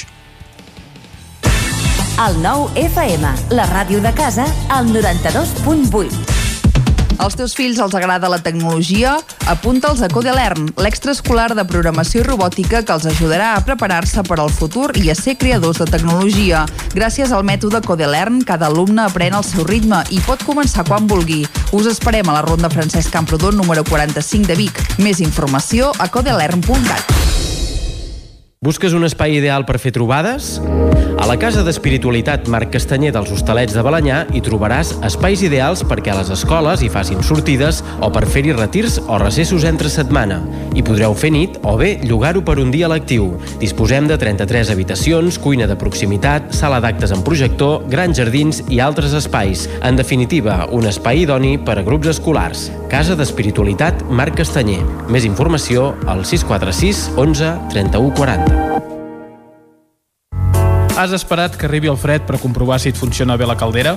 No pateixis, a Casa Jové som especialistes en manteniment, reparació i revisió d'equips d'aigua calenta i calefacció, tant en l'ambient domèstic com industrial. Si tens una avaria, no ho dubtis. Som Casa Jové. Ens trobaràs al carrer Girona, número 9 de Vic i al telèfon 93 886 1596. Casa Jové, el teu servei tècnic de confiança.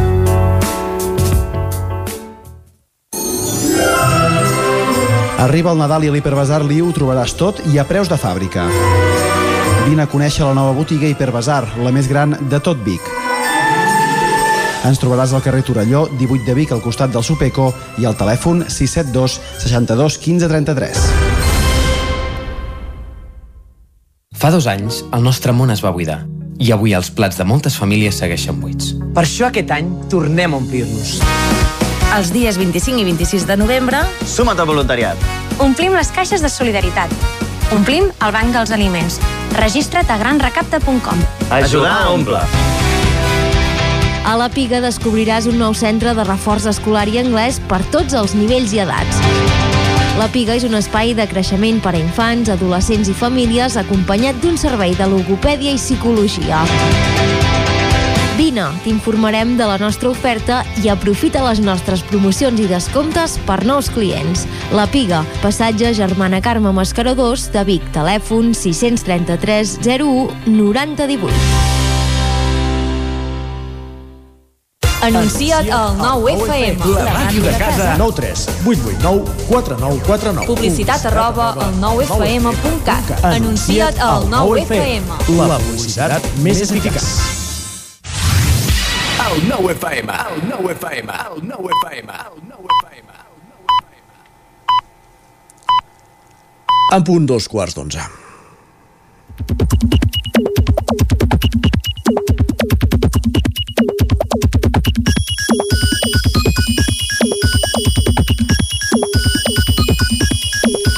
I a dos quarts d'onze punt qui ens acompanya cada dia, assegut en aquesta cadira on fa un moment hi havia l'Ester Rovira, és en Guillem Sánchez. Què tal? On, com vas? Com estem, Isaac? Bé, i tu? Molt bé, molt bé. Me n'alegro, ha anat bé el cap de setmana? Ha anat bé, molt farcit de coses, però bé. I la gent ha piulat molt? La gent ha piulat molt també i coses bastant interessants i ara n'hem de repassar algunes. Va, repassem i comencem amb el que ens ha escrit en Xevi, eh, que ha fet un, un fil sota el títol Malfieu-vos de les parelles que diuen... És tres boníssim, és boníssim. Eh que sí? sí. Va, en llegirem alguns només dels missatges llegir perquè tots, potser eh? alguns ens els podem deixar per, per demà o per, o per dimecres tranquil·lament. Comencem per un... M'interessa molt el penúltim, va. El penúltim, crec que no hi he arribat. Oh. He, he començat per als, per als primers. Doncs ens diu, malfieu-vos de les parelles que diuen nosaltres a casa no tenim tele, però teniu quatre portàtils que t'hi cagues modernets de merda i que mireu totes les sèries i coses a la carta i a través de Netflix i plataformes... I també no tenen tele per un superprojector per veure totes aquestes coses, no? Correcte. Segona, ens diu, malfieu-vos de les parelles que diuen estem embarassats. I en Xevi diu, ella està embarassada, tu, per sort, no. Això sol, sol passar bastant i és una manera de parlar que Tòpic, fa servir sí. molta, sí. molta gent. Tercera, diu, hem apuntat el nostre fill de 3 anys a classes d'anglès. Diu, potser que primer aprengui a caminar i a parlar català, no? Aquesta estaria molt bé. Estaria molt bé. I l'última que destaquem avui és uh, malfieu-vos de les parelles que diuen el nostre fill de 10 anys juga a pàdel. Diu, i què farà quan tingui 50 anys? Exacte. Bueno, doncs va. ha moltes, vull dir que podem anar continuant la sèrie aquesta qui setmana. tingui ganes que eh, es posi dintre d'aquest d'aquest fil i que descobreixi veure les que li agradin més. Va, també m'ha semblat especialment curiós el tuit de la Montserrat, que ens diu en un restaurant de sushi, mon pare, vull uns peus de porc amb cargols. Sí senyor, home. Crec, crec que no li van poder fer, oh. però m'agradaria saber què es, què es va demanar. No sé si la Montserrat ens podria contestar, a veure què va acabar demanant el seu pare quan li van dir no li podem fer uns peus de porc amb, amb cargols. Sushi de peu de porc. Sushi de peu de porc. Punta aquesta. Està per arribar. Va.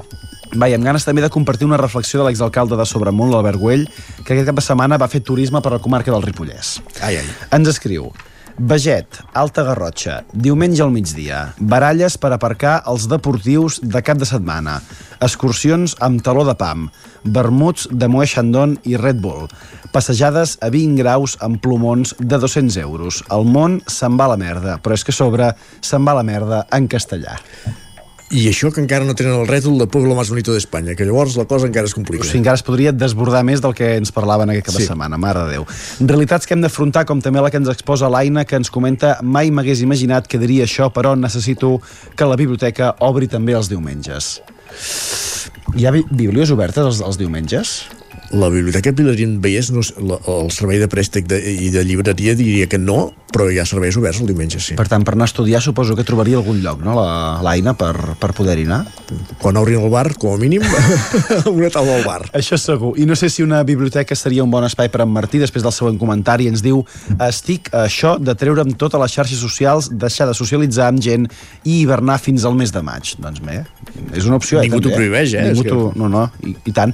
I va canviant de tema per explicar que avui aquest usuari està intentant aprofitar el dia. Ens diu, aquest matí m'he despertat a les 8, he anat a comprar el pa i m'he sentat en un banc a llegir el diari. Dos punts. Soc un viejo de 70 anys en el cos d'una dona de 19 anys. Però no, no, no, és O que no. molts joves podrien eh, fer el que feia ella llegir diaris i el sector de la premsa aniria d'una altra manera. Se'n beneficiaria una miqueta més.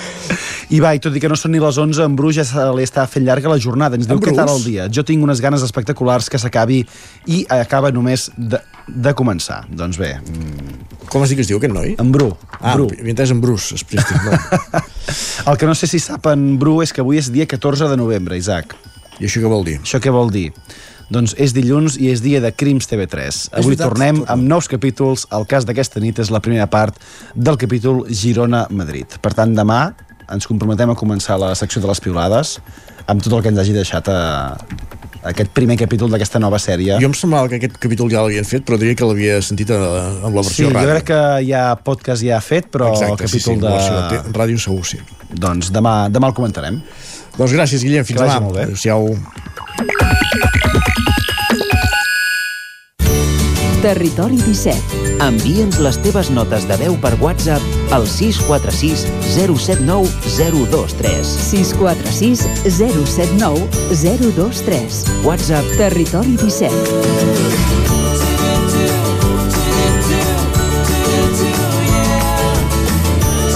Territori 17. Som a Facebook, Twitter i Instagram amb l'usuari Territori 17.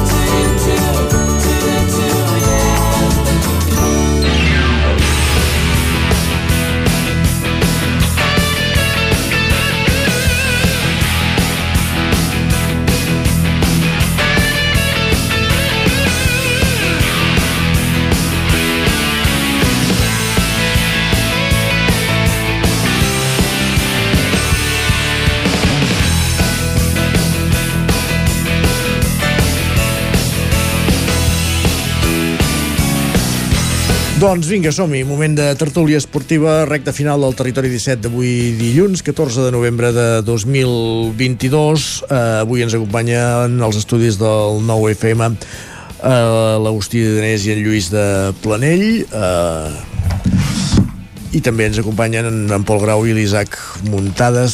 Benvinguts a tots quatre. Bon dia. Bon dia. Gràcies, bon dia. Uh, ja no hi ha Lliga, l'última jornada va ser dimecres de la setmana passada, l'últim partit de Gerard Piqué amb la samarreta del Barça, però sí que aquest cada setmana hi ha hagut Copa del Rei i tant el Girona com l'Espanyol han fet els deures, eh? Bé, hem fet el que tocava, no? Un tràmit. Perquè això de que la Copa del Rei tampoc ho entenc massa, eh? Perquè eh, ja ho sé, que eh, ajuda al futbol modest i això, però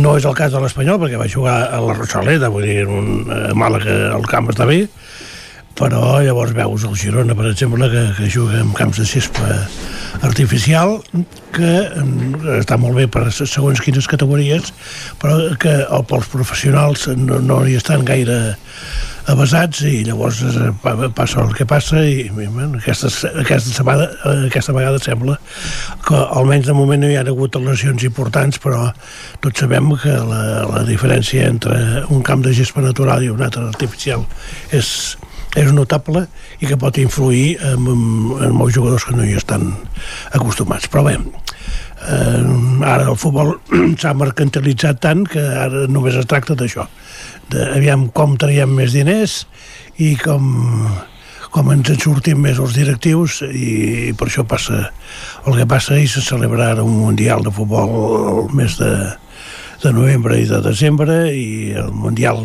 que ja en diuen que no haurem de dir així, el Mundial de la vergonya.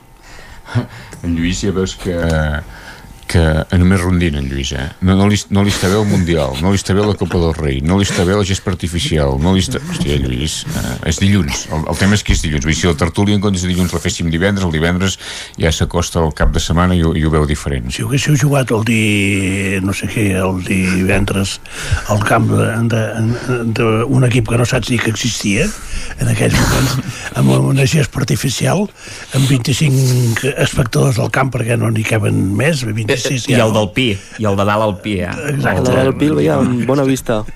I llavors vull dir, esclar, no, no, no, no, no és seriós això.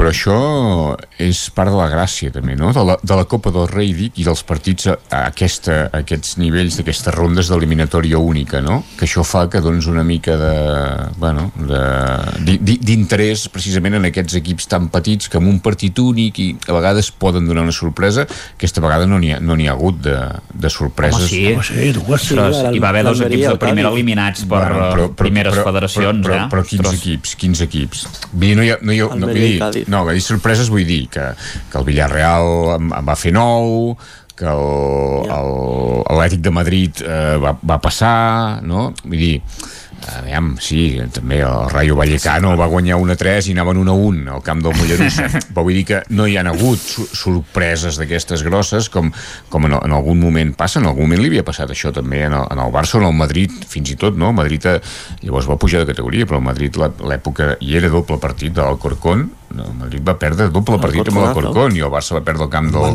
de, de, del Nobel de, vull dir que això Sí, passa i, form, i forma part d'aquesta d'aquesta gràcia. I també penso que els equips grans, això que comentes tu Lluís és veritat, la gespa artificial és veritat, no, no és una superfície adequada per, per, per jugar a futbol, tot i que ha anat canviant la gespa artificial també, vull dir que la, la gespa artificial de fa 15 anys era una i avui és una altra que tot i ser artificial és menys artificial, per dir-ho així no? vull dir que s'assembla No més moqueta, com ah, exactament, no està moqueta no, no feia aquells vots, me'n recordo te'n recordes per exemple el camp de l'Europa que és un dels primers que hi va haver allò, era, era moqueta pura no? Era moqueta verda. Allò feia uns vots, era... Això ha anat... No, I a més el jugador en, que, que queia a terra sortia marcat de, de tot sí, el cos. sí, però vull dir que això, això ha, anat, ha anat canviant. Però em, em refereixo que jo crec que, que part de la gràcia també és que aquests equips, eh, sobretot els equips grans que estan acostumats a jugar en grans escenaris diguem, tothom vol jugar a Wembley, tothom vol jugar al Bernabéu però després el futbol té molts moments. I saber competir en, en camps que són petits on fa fred, encara no tant, però ara quan vindran les pròximes eliminatòries o, on fa fred, on l'hora és inadequada on eh, la gent estan penjats per tot arreu, on hi ha un anunci l'any passat al, al, al Barça i, i en aquesta eh, eliminatòria de Copa del Rei un anunci que deia la esquinita de Samuel, o sigui i era un bar, no? No, no, no, hi, no, no hi havia ni Rakuten ni Apple, ni... no, no, la esquinita de Samuel que era un bar, això els equips també han de saber jugar a això i també creixen així Jo, no? jo recordo en una eliminatòria, que no sé si la vas veure tu, jo, jo sí, era a Manlleu, al camp del Manlleu. l'Espanyol sí, jo també hi era En, que l'Espanyol es va classificar per penals. Sí, sí. i li vaig demanar eh, a Javier Clemente, llavors eh, Entrenador, el, sí, entrenador sí. espanyol, uh -huh. i amb què li semblava que aquesta, aquest format de Copa del Rei i, i ja, ja li va semblar un autèntic desastre i va eh, presentar una, una colla de raons per les quals el, el, la, el format aquest no és, no és viable, entre altres coses perquè ell va dir que havies de fer ju- eh, jugar els l'alternativa, que em penso que va dir això. O sigui, no els jugadors titulars, sinó els suplents. No, o sigui, no t'enfrontes tant a un equip de primera divisió, i més si és de la part baixa, eh, quan eh, pràcticament el, el 90%, ahir el, el Girona penso que només en repetien dos de l'última alineació que, de partit de Lliga. Vull dir que, està clar, no és tant eh, jugar contra un primera divisió, sinó contra els reserves d'un primera divisió que, mm, bé, no, no, no sempre tenen el nivell. Sí, i només ara no discutirem una cosa de fa gairebé 40 anys, perquè em sembla que era l'any 84 això, sí, no vull dir que, però que fa, fa gai- dies, fa gairebé sí. 40 anys però, però hi ha dues coses, una, el camp era, era d'herba natural perquè el Manlleu llavors havia posat havia, po- era, era, no, no, era nou aquell camp. Havien posat, llavors, llavors van pitjorar però aquell camp era, era d'herba natural estava perfecte, de fet en Clemente abans va fer una mena de declaracions que hi va haver tota una polèmica perquè ell va dir, li van preguntar pel Manlleu i va venir a dir que no, que no sabia no amb aquestes paraules, eh, però que no sabia on era i que el camp devia ser un camp de patates. I el camp eh, era nou i, i, i estava bé d'herba natural. I, i sobre l'equip eh, ell va fer un mixte, perquè és veritat, per exemple, no va jugar en Cono, va jugar en I, i no era el mateix en Cono que en Duran, però, però va jugar en Pineda, va jugar en Valverde, va jugar a l'Orejuela, vull dir que en Zúñiga, vull dir que tampoc va fer un equip de reserva-reserva, perquè si no, poder no hauria guanyat. I van acabar quedant 4-4 i va passar l'Espanyol. Valverde ara és l'entrenador de l'Atlètic, eh? Isaac Muntades, no penses que és aquell Sí, jugador sí. del Madrid, eh? No, no, no, jo ja sé qui és Valverde, ja, ja, ja, ja, ja ho sé, ja ho sé que va jugar a l'Espanyol, ja. Sí, perquè A veure, 40 anys no, no els tenia el Valverde d'ara, de l'Atlètic Sí, jo, tam jo tampoc, per sort, encara no els tinc. Uh, a, mi, a mi aquest format de Copa, la veritat és que sí que m'agrada, m'agrada, sobretot en les primeres eliminatòries, que es doni l'oportunitat doncs, de jugar aquests equips de, bé de territorial, perquè, per exemple, el Mollerussa que porta dos anys seguits jugant a la Copa del Rei, perquè si us recordeu l'any passat també em sembla que va jugar contra, contra el Getafe vull Sí, dir que, sí, va eliminar, bueno, sí, sí. Sí, sí, que, que, que va ser doncs, un partit doncs, bueno, eh, no, no, no, ha, no, ha, no va passar en cap de les dues ocasions, em sembla, però, però bueno, es, està bé perquè aquests equips de primera catalana seria la primera catalana, no? l'equivalent més o menys o, Sí, sí, o és no sé primera exactament catalana, què. és primera catalana. doncs realment es dona aquesta oportunitat i, i, i, i es dona peu a les sorpreses hi va haver algunes sorpreses que això sempre, sempre està bé, per exemple una que jo destacaria, un equip que ha guanyat em sembla sis copes del rei com el Saragossa va caure contra uns, uh, un tercera federació, el Diocesano que jo no sabia ni que existia aquest equip Exacte. és que pel nom sembla que sigui d'un lloc de bisbes, no? Sí, sí, vull dir que no però bé, a, a mi m'interessa lla- llavors, clar, el fet que no hi entrin els de la Supercopa els quatre equips que, que es classifiquen per la Supercopa fins a aquesta ronda que bé encara no passen a la, a la següent no? Mm, doncs li dona, li dona aquest atractiu no? I, i penso que hi hauria d'haver algun canvi per exemple en eliminatòries més endavant jo ja ho vaig comentar-ho, em sembla fa temps que els, que els quarts de final sí que per exemple crec que haurien de ser doble partit que, que ara fins ara només hi ha les semifinals i crec que s'hauria de d'afegir perquè ja és una eliminatòria en què teòricament hi arriben equips més, més forts perquè és veritat, eh, el Quique Sánchez Flores ho va dir, és una, és una copa que aviam, no ens enganyem, està dissenyada perquè hi arribin els equips més forts al final. Per això el de la Supercopa, que normalment en el 98% de les vegades a la Supercopa hi jugaran el Barça i el Madrid perquè quedaran el primer o segon de la Lliga o arribaran a la, a la final de la Copa del Rei vull dir, és, ja és, una, ja és una, una competició feta per, per grans equips i llavors, bueno, eh, per exemple l'Atlètic de Madrid sí que li ha tocat pagar penyora i, i va jugar amb bastants titulars, per exemple, eh? que, és un, que això sí que em va sorprendre més. Suposo que, com que ara hi ha un mes i mig que en, eh, hi ha el Mundial i hi ha una mica de descans, on de, de, en Simeone devia pensar, després dels pals que m'estan donant, doncs posaré tot, tot l'equip eh, titular, però, però bé, fa, fa gràcia veure aquests partits. O, alguna estona d'algun em vaig veure i va, és, és divertit. El, el pobre Olot, que L'Atlètic de Madrid, l'Atlètic de Madrid va guanyar, va, va guanyar Sí. 0-2 l'Atlètic de Madrid. No? 0-2, sí, sí. I, I va ser curiós perquè hi havia el community manager de, de l'equip al qual es van enfrontar, que van fer un tuit, no sé Mm. si ho vau veure, no? Un tuit Sí, sí, sí, llavors, sí, sí. eh, que, Molt bo, que, molt que, bo. que venien, a, venien a dir diu, no sé com ho deien, eh? la junta directiva cu- cubata en mano ha decidido uh, cesar al entrenador. Los resultados mandan. Sí, venien a dir tu. Però, no?, que feien la conya aquesta, que al final van Sí, fer sí. molt bon paper i van caure molt dignament, no? Però que després al vespre sí. feien la conya aquesta de dir uh, hem decidit ja, després d'aquesta derrota de Madrid, destituir l'entrenador. Era alguna cosa així, no, Isaac? Em sembla aquests termes. Eh? Sí, sí, sí. I, I- I feien i la, abans el tema del de partit cu- també, cubata eh? en mano, eh? Cubata en mano, Sí. deien, eh? De totes maneres, abans no del sé... partit van fer una alineació, perdona, només un inici, van fer una alineació com dient el panadero i no sé què de tot, de tot l'equip, no? No era algo així, que, carnicero i actor porno fins i tot, bueno, algo molt, Carai, molt espectacular, el mateix community manager de... Sí, sí. De totes maneres, no sé si el Barça, eh, i els del Barça i els del Madrid parlaríeu del mateix si hagués passat doncs, el que va passar al Coià, o el que va passar a Figueres, el que va passar a Santa Coloma de Gramenet, eh? vull dir que, està clar, si, si llavors sou vosaltres els que caieu, no sé si faríeu tanta conya. Eh, tot No, no fa conya, eh? La veritat, quan vam caure amb l'Alcoià fa dos anys no va fer gaire conya. Per això... O fa tres, ara no recordo. Vam, vam eliminar-los eh, l'any següent, eh, que ens va tornar a tocar, però ens van eliminar també. No, no, no fa conya, la veritat, no. Però bueno, mira, mala sort, tu. A vegades l'Atleti de Madrid també el, el van eliminar dos vegades consecutives, em sembla, fa poc. Sí, sí, I no equips de segona, sinó de... I no equips de segona, de segona B, sí, sí. Pol, tu sí que duries veure el partit del Girona, eh? Sí, el de l'Olot, que estava a l'Olot aquest cap de setmana. També. I els pobres en 40 minuts els van repassar. Sí, clar. Però tot i així, no sé, bon partit. I el Girona, pues, partit decent, van, van guanyar al final, però tampoc no va ser un partit que diguis que amb la ratxa, amb la dinàmica que portaven, jugar amb tot el suplent, la, la, el partit de Toni Fiudes, que va fer un, part, un bon partit per mi, tenim a Fiudes i a Gazzaniga ara a bon nivell, veurem Juan Carlos si torna, torna al nivell que estava, però pels altres uh, Estuani havia de sortir per marcar el gol, com sempre, tot i que va, va, va fallar un penal a l'últim minut, Això ho però portes, Guadó Pol. sí. Està en ratxa, eh, de fallar penals últimament. Sí, sí, no, no vol marcar penals. Però bueno, tot i així, 1-2 i esperar la següent ronda. Uh, aquest cap de setmana hi ha hagut Copa del Rei i, com dèiem, l'última jornada de Lliga va ser ent entre setmana la setmana passada. Com n'hem de dir això? El Barça és campió de tardor, no? Perquè campió d'hivern és quan arribem a la meitat de la competició, però ara amb aquesta aturada uh, hem de dir alguna cosa, no? Així. Si fos un altre equip que no fos el Barça no ho diríeu de campió de, de res, no? Vull dir que Exacte. després de, de, de no sé quantes jornades el Barça és líder, ja està, i prou. Sí, però el Madrid no ho és, em refereixo La celebració no, no, no, ja, ja, ja. Bueno, no, no ho és fins que tornem a la competició perquè l'Espanyol ens farà un favor el 31 de desembre. Ah, sí? Home, estem disposats, estem disposats. Jo hi confio Esteu molt, disposats Lluís, a ajudar el Madrid. No, no, estem A ajudar el Madrid, has dit. No, estan disposats a guanyar el seu, part, el seu partit. Nosaltres necessitem prou punts per, per ajudar a ningú més. Ens hem d'ajudar a nosaltres mateixos. I... No, jo confio una, una mica en això, amb això que dieu sempre els culers del el virus FIFA, doncs ara, mm.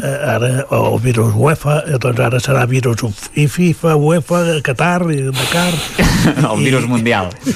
I aviam si amb això us, us agentem adormits i podem guanyar. Però bueno, això falta molts dies encara.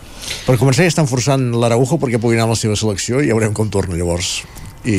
Sí, l'Araujo i, i molts altres, eh? Sí.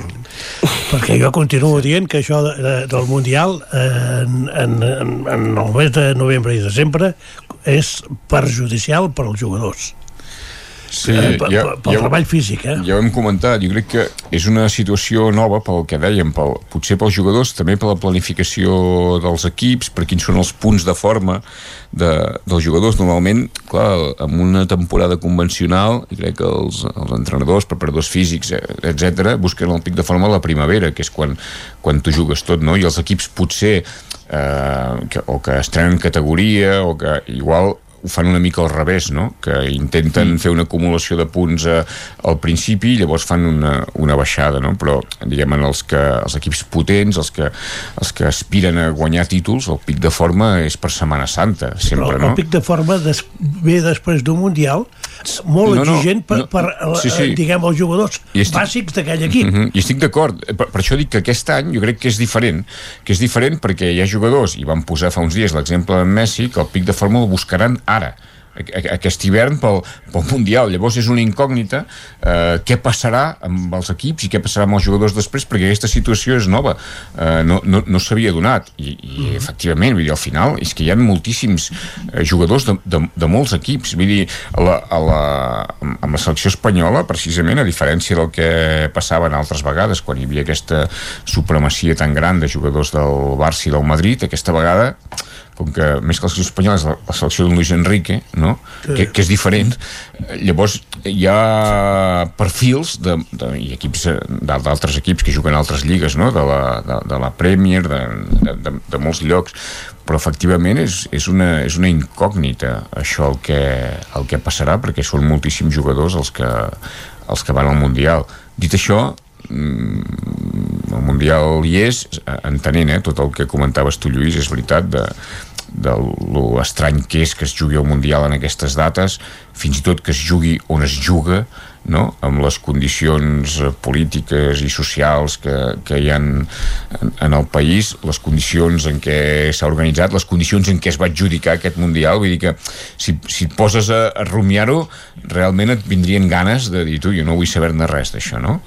Però com que ser coherent amb tot eh, és molt difícil o gairebé impossible i els partits ens els ensenyaran tots jo intentaré mirar-los, fins i tot l'Aràbia Saudita contra no sé qui, contra Hòstia. Canadà, perquè no, perquè és, és un, el Mundial és, sempre és un moment extraordinari, no? És un aparador, descobreixes eh, jugadors, eh, et frustren expectatives, sempre hi ha sorpreses, no? Van fer la porra aquí, eh? Tu em sembla vas dir, no sé, jo vaig dir Inglaterra, eh? Van fer una porra? Sí, sí. Va fer una porra a la... Sí? Ah, sí, vols dir? Ah, sí, no, sí, jo no recordo de, haver dit... de, de, de qui guanyaria el Mundial? Jo vaig dir Inglaterra. Tu devies dir Brasil o...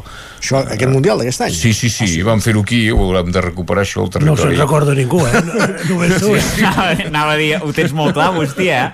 Ostres, Ho no sé, ho poder sí, poder sí, poder ho sí, eh? recuperarem, Poder això, sí. ho recuperarem. Ja, tu, vas, tu, tu què dius, Lluís? Ja refem-lo, doncs, estem per tant. En Lluís és un clàssic, devia dir Brasil o... Oh, no, no, no, és que no...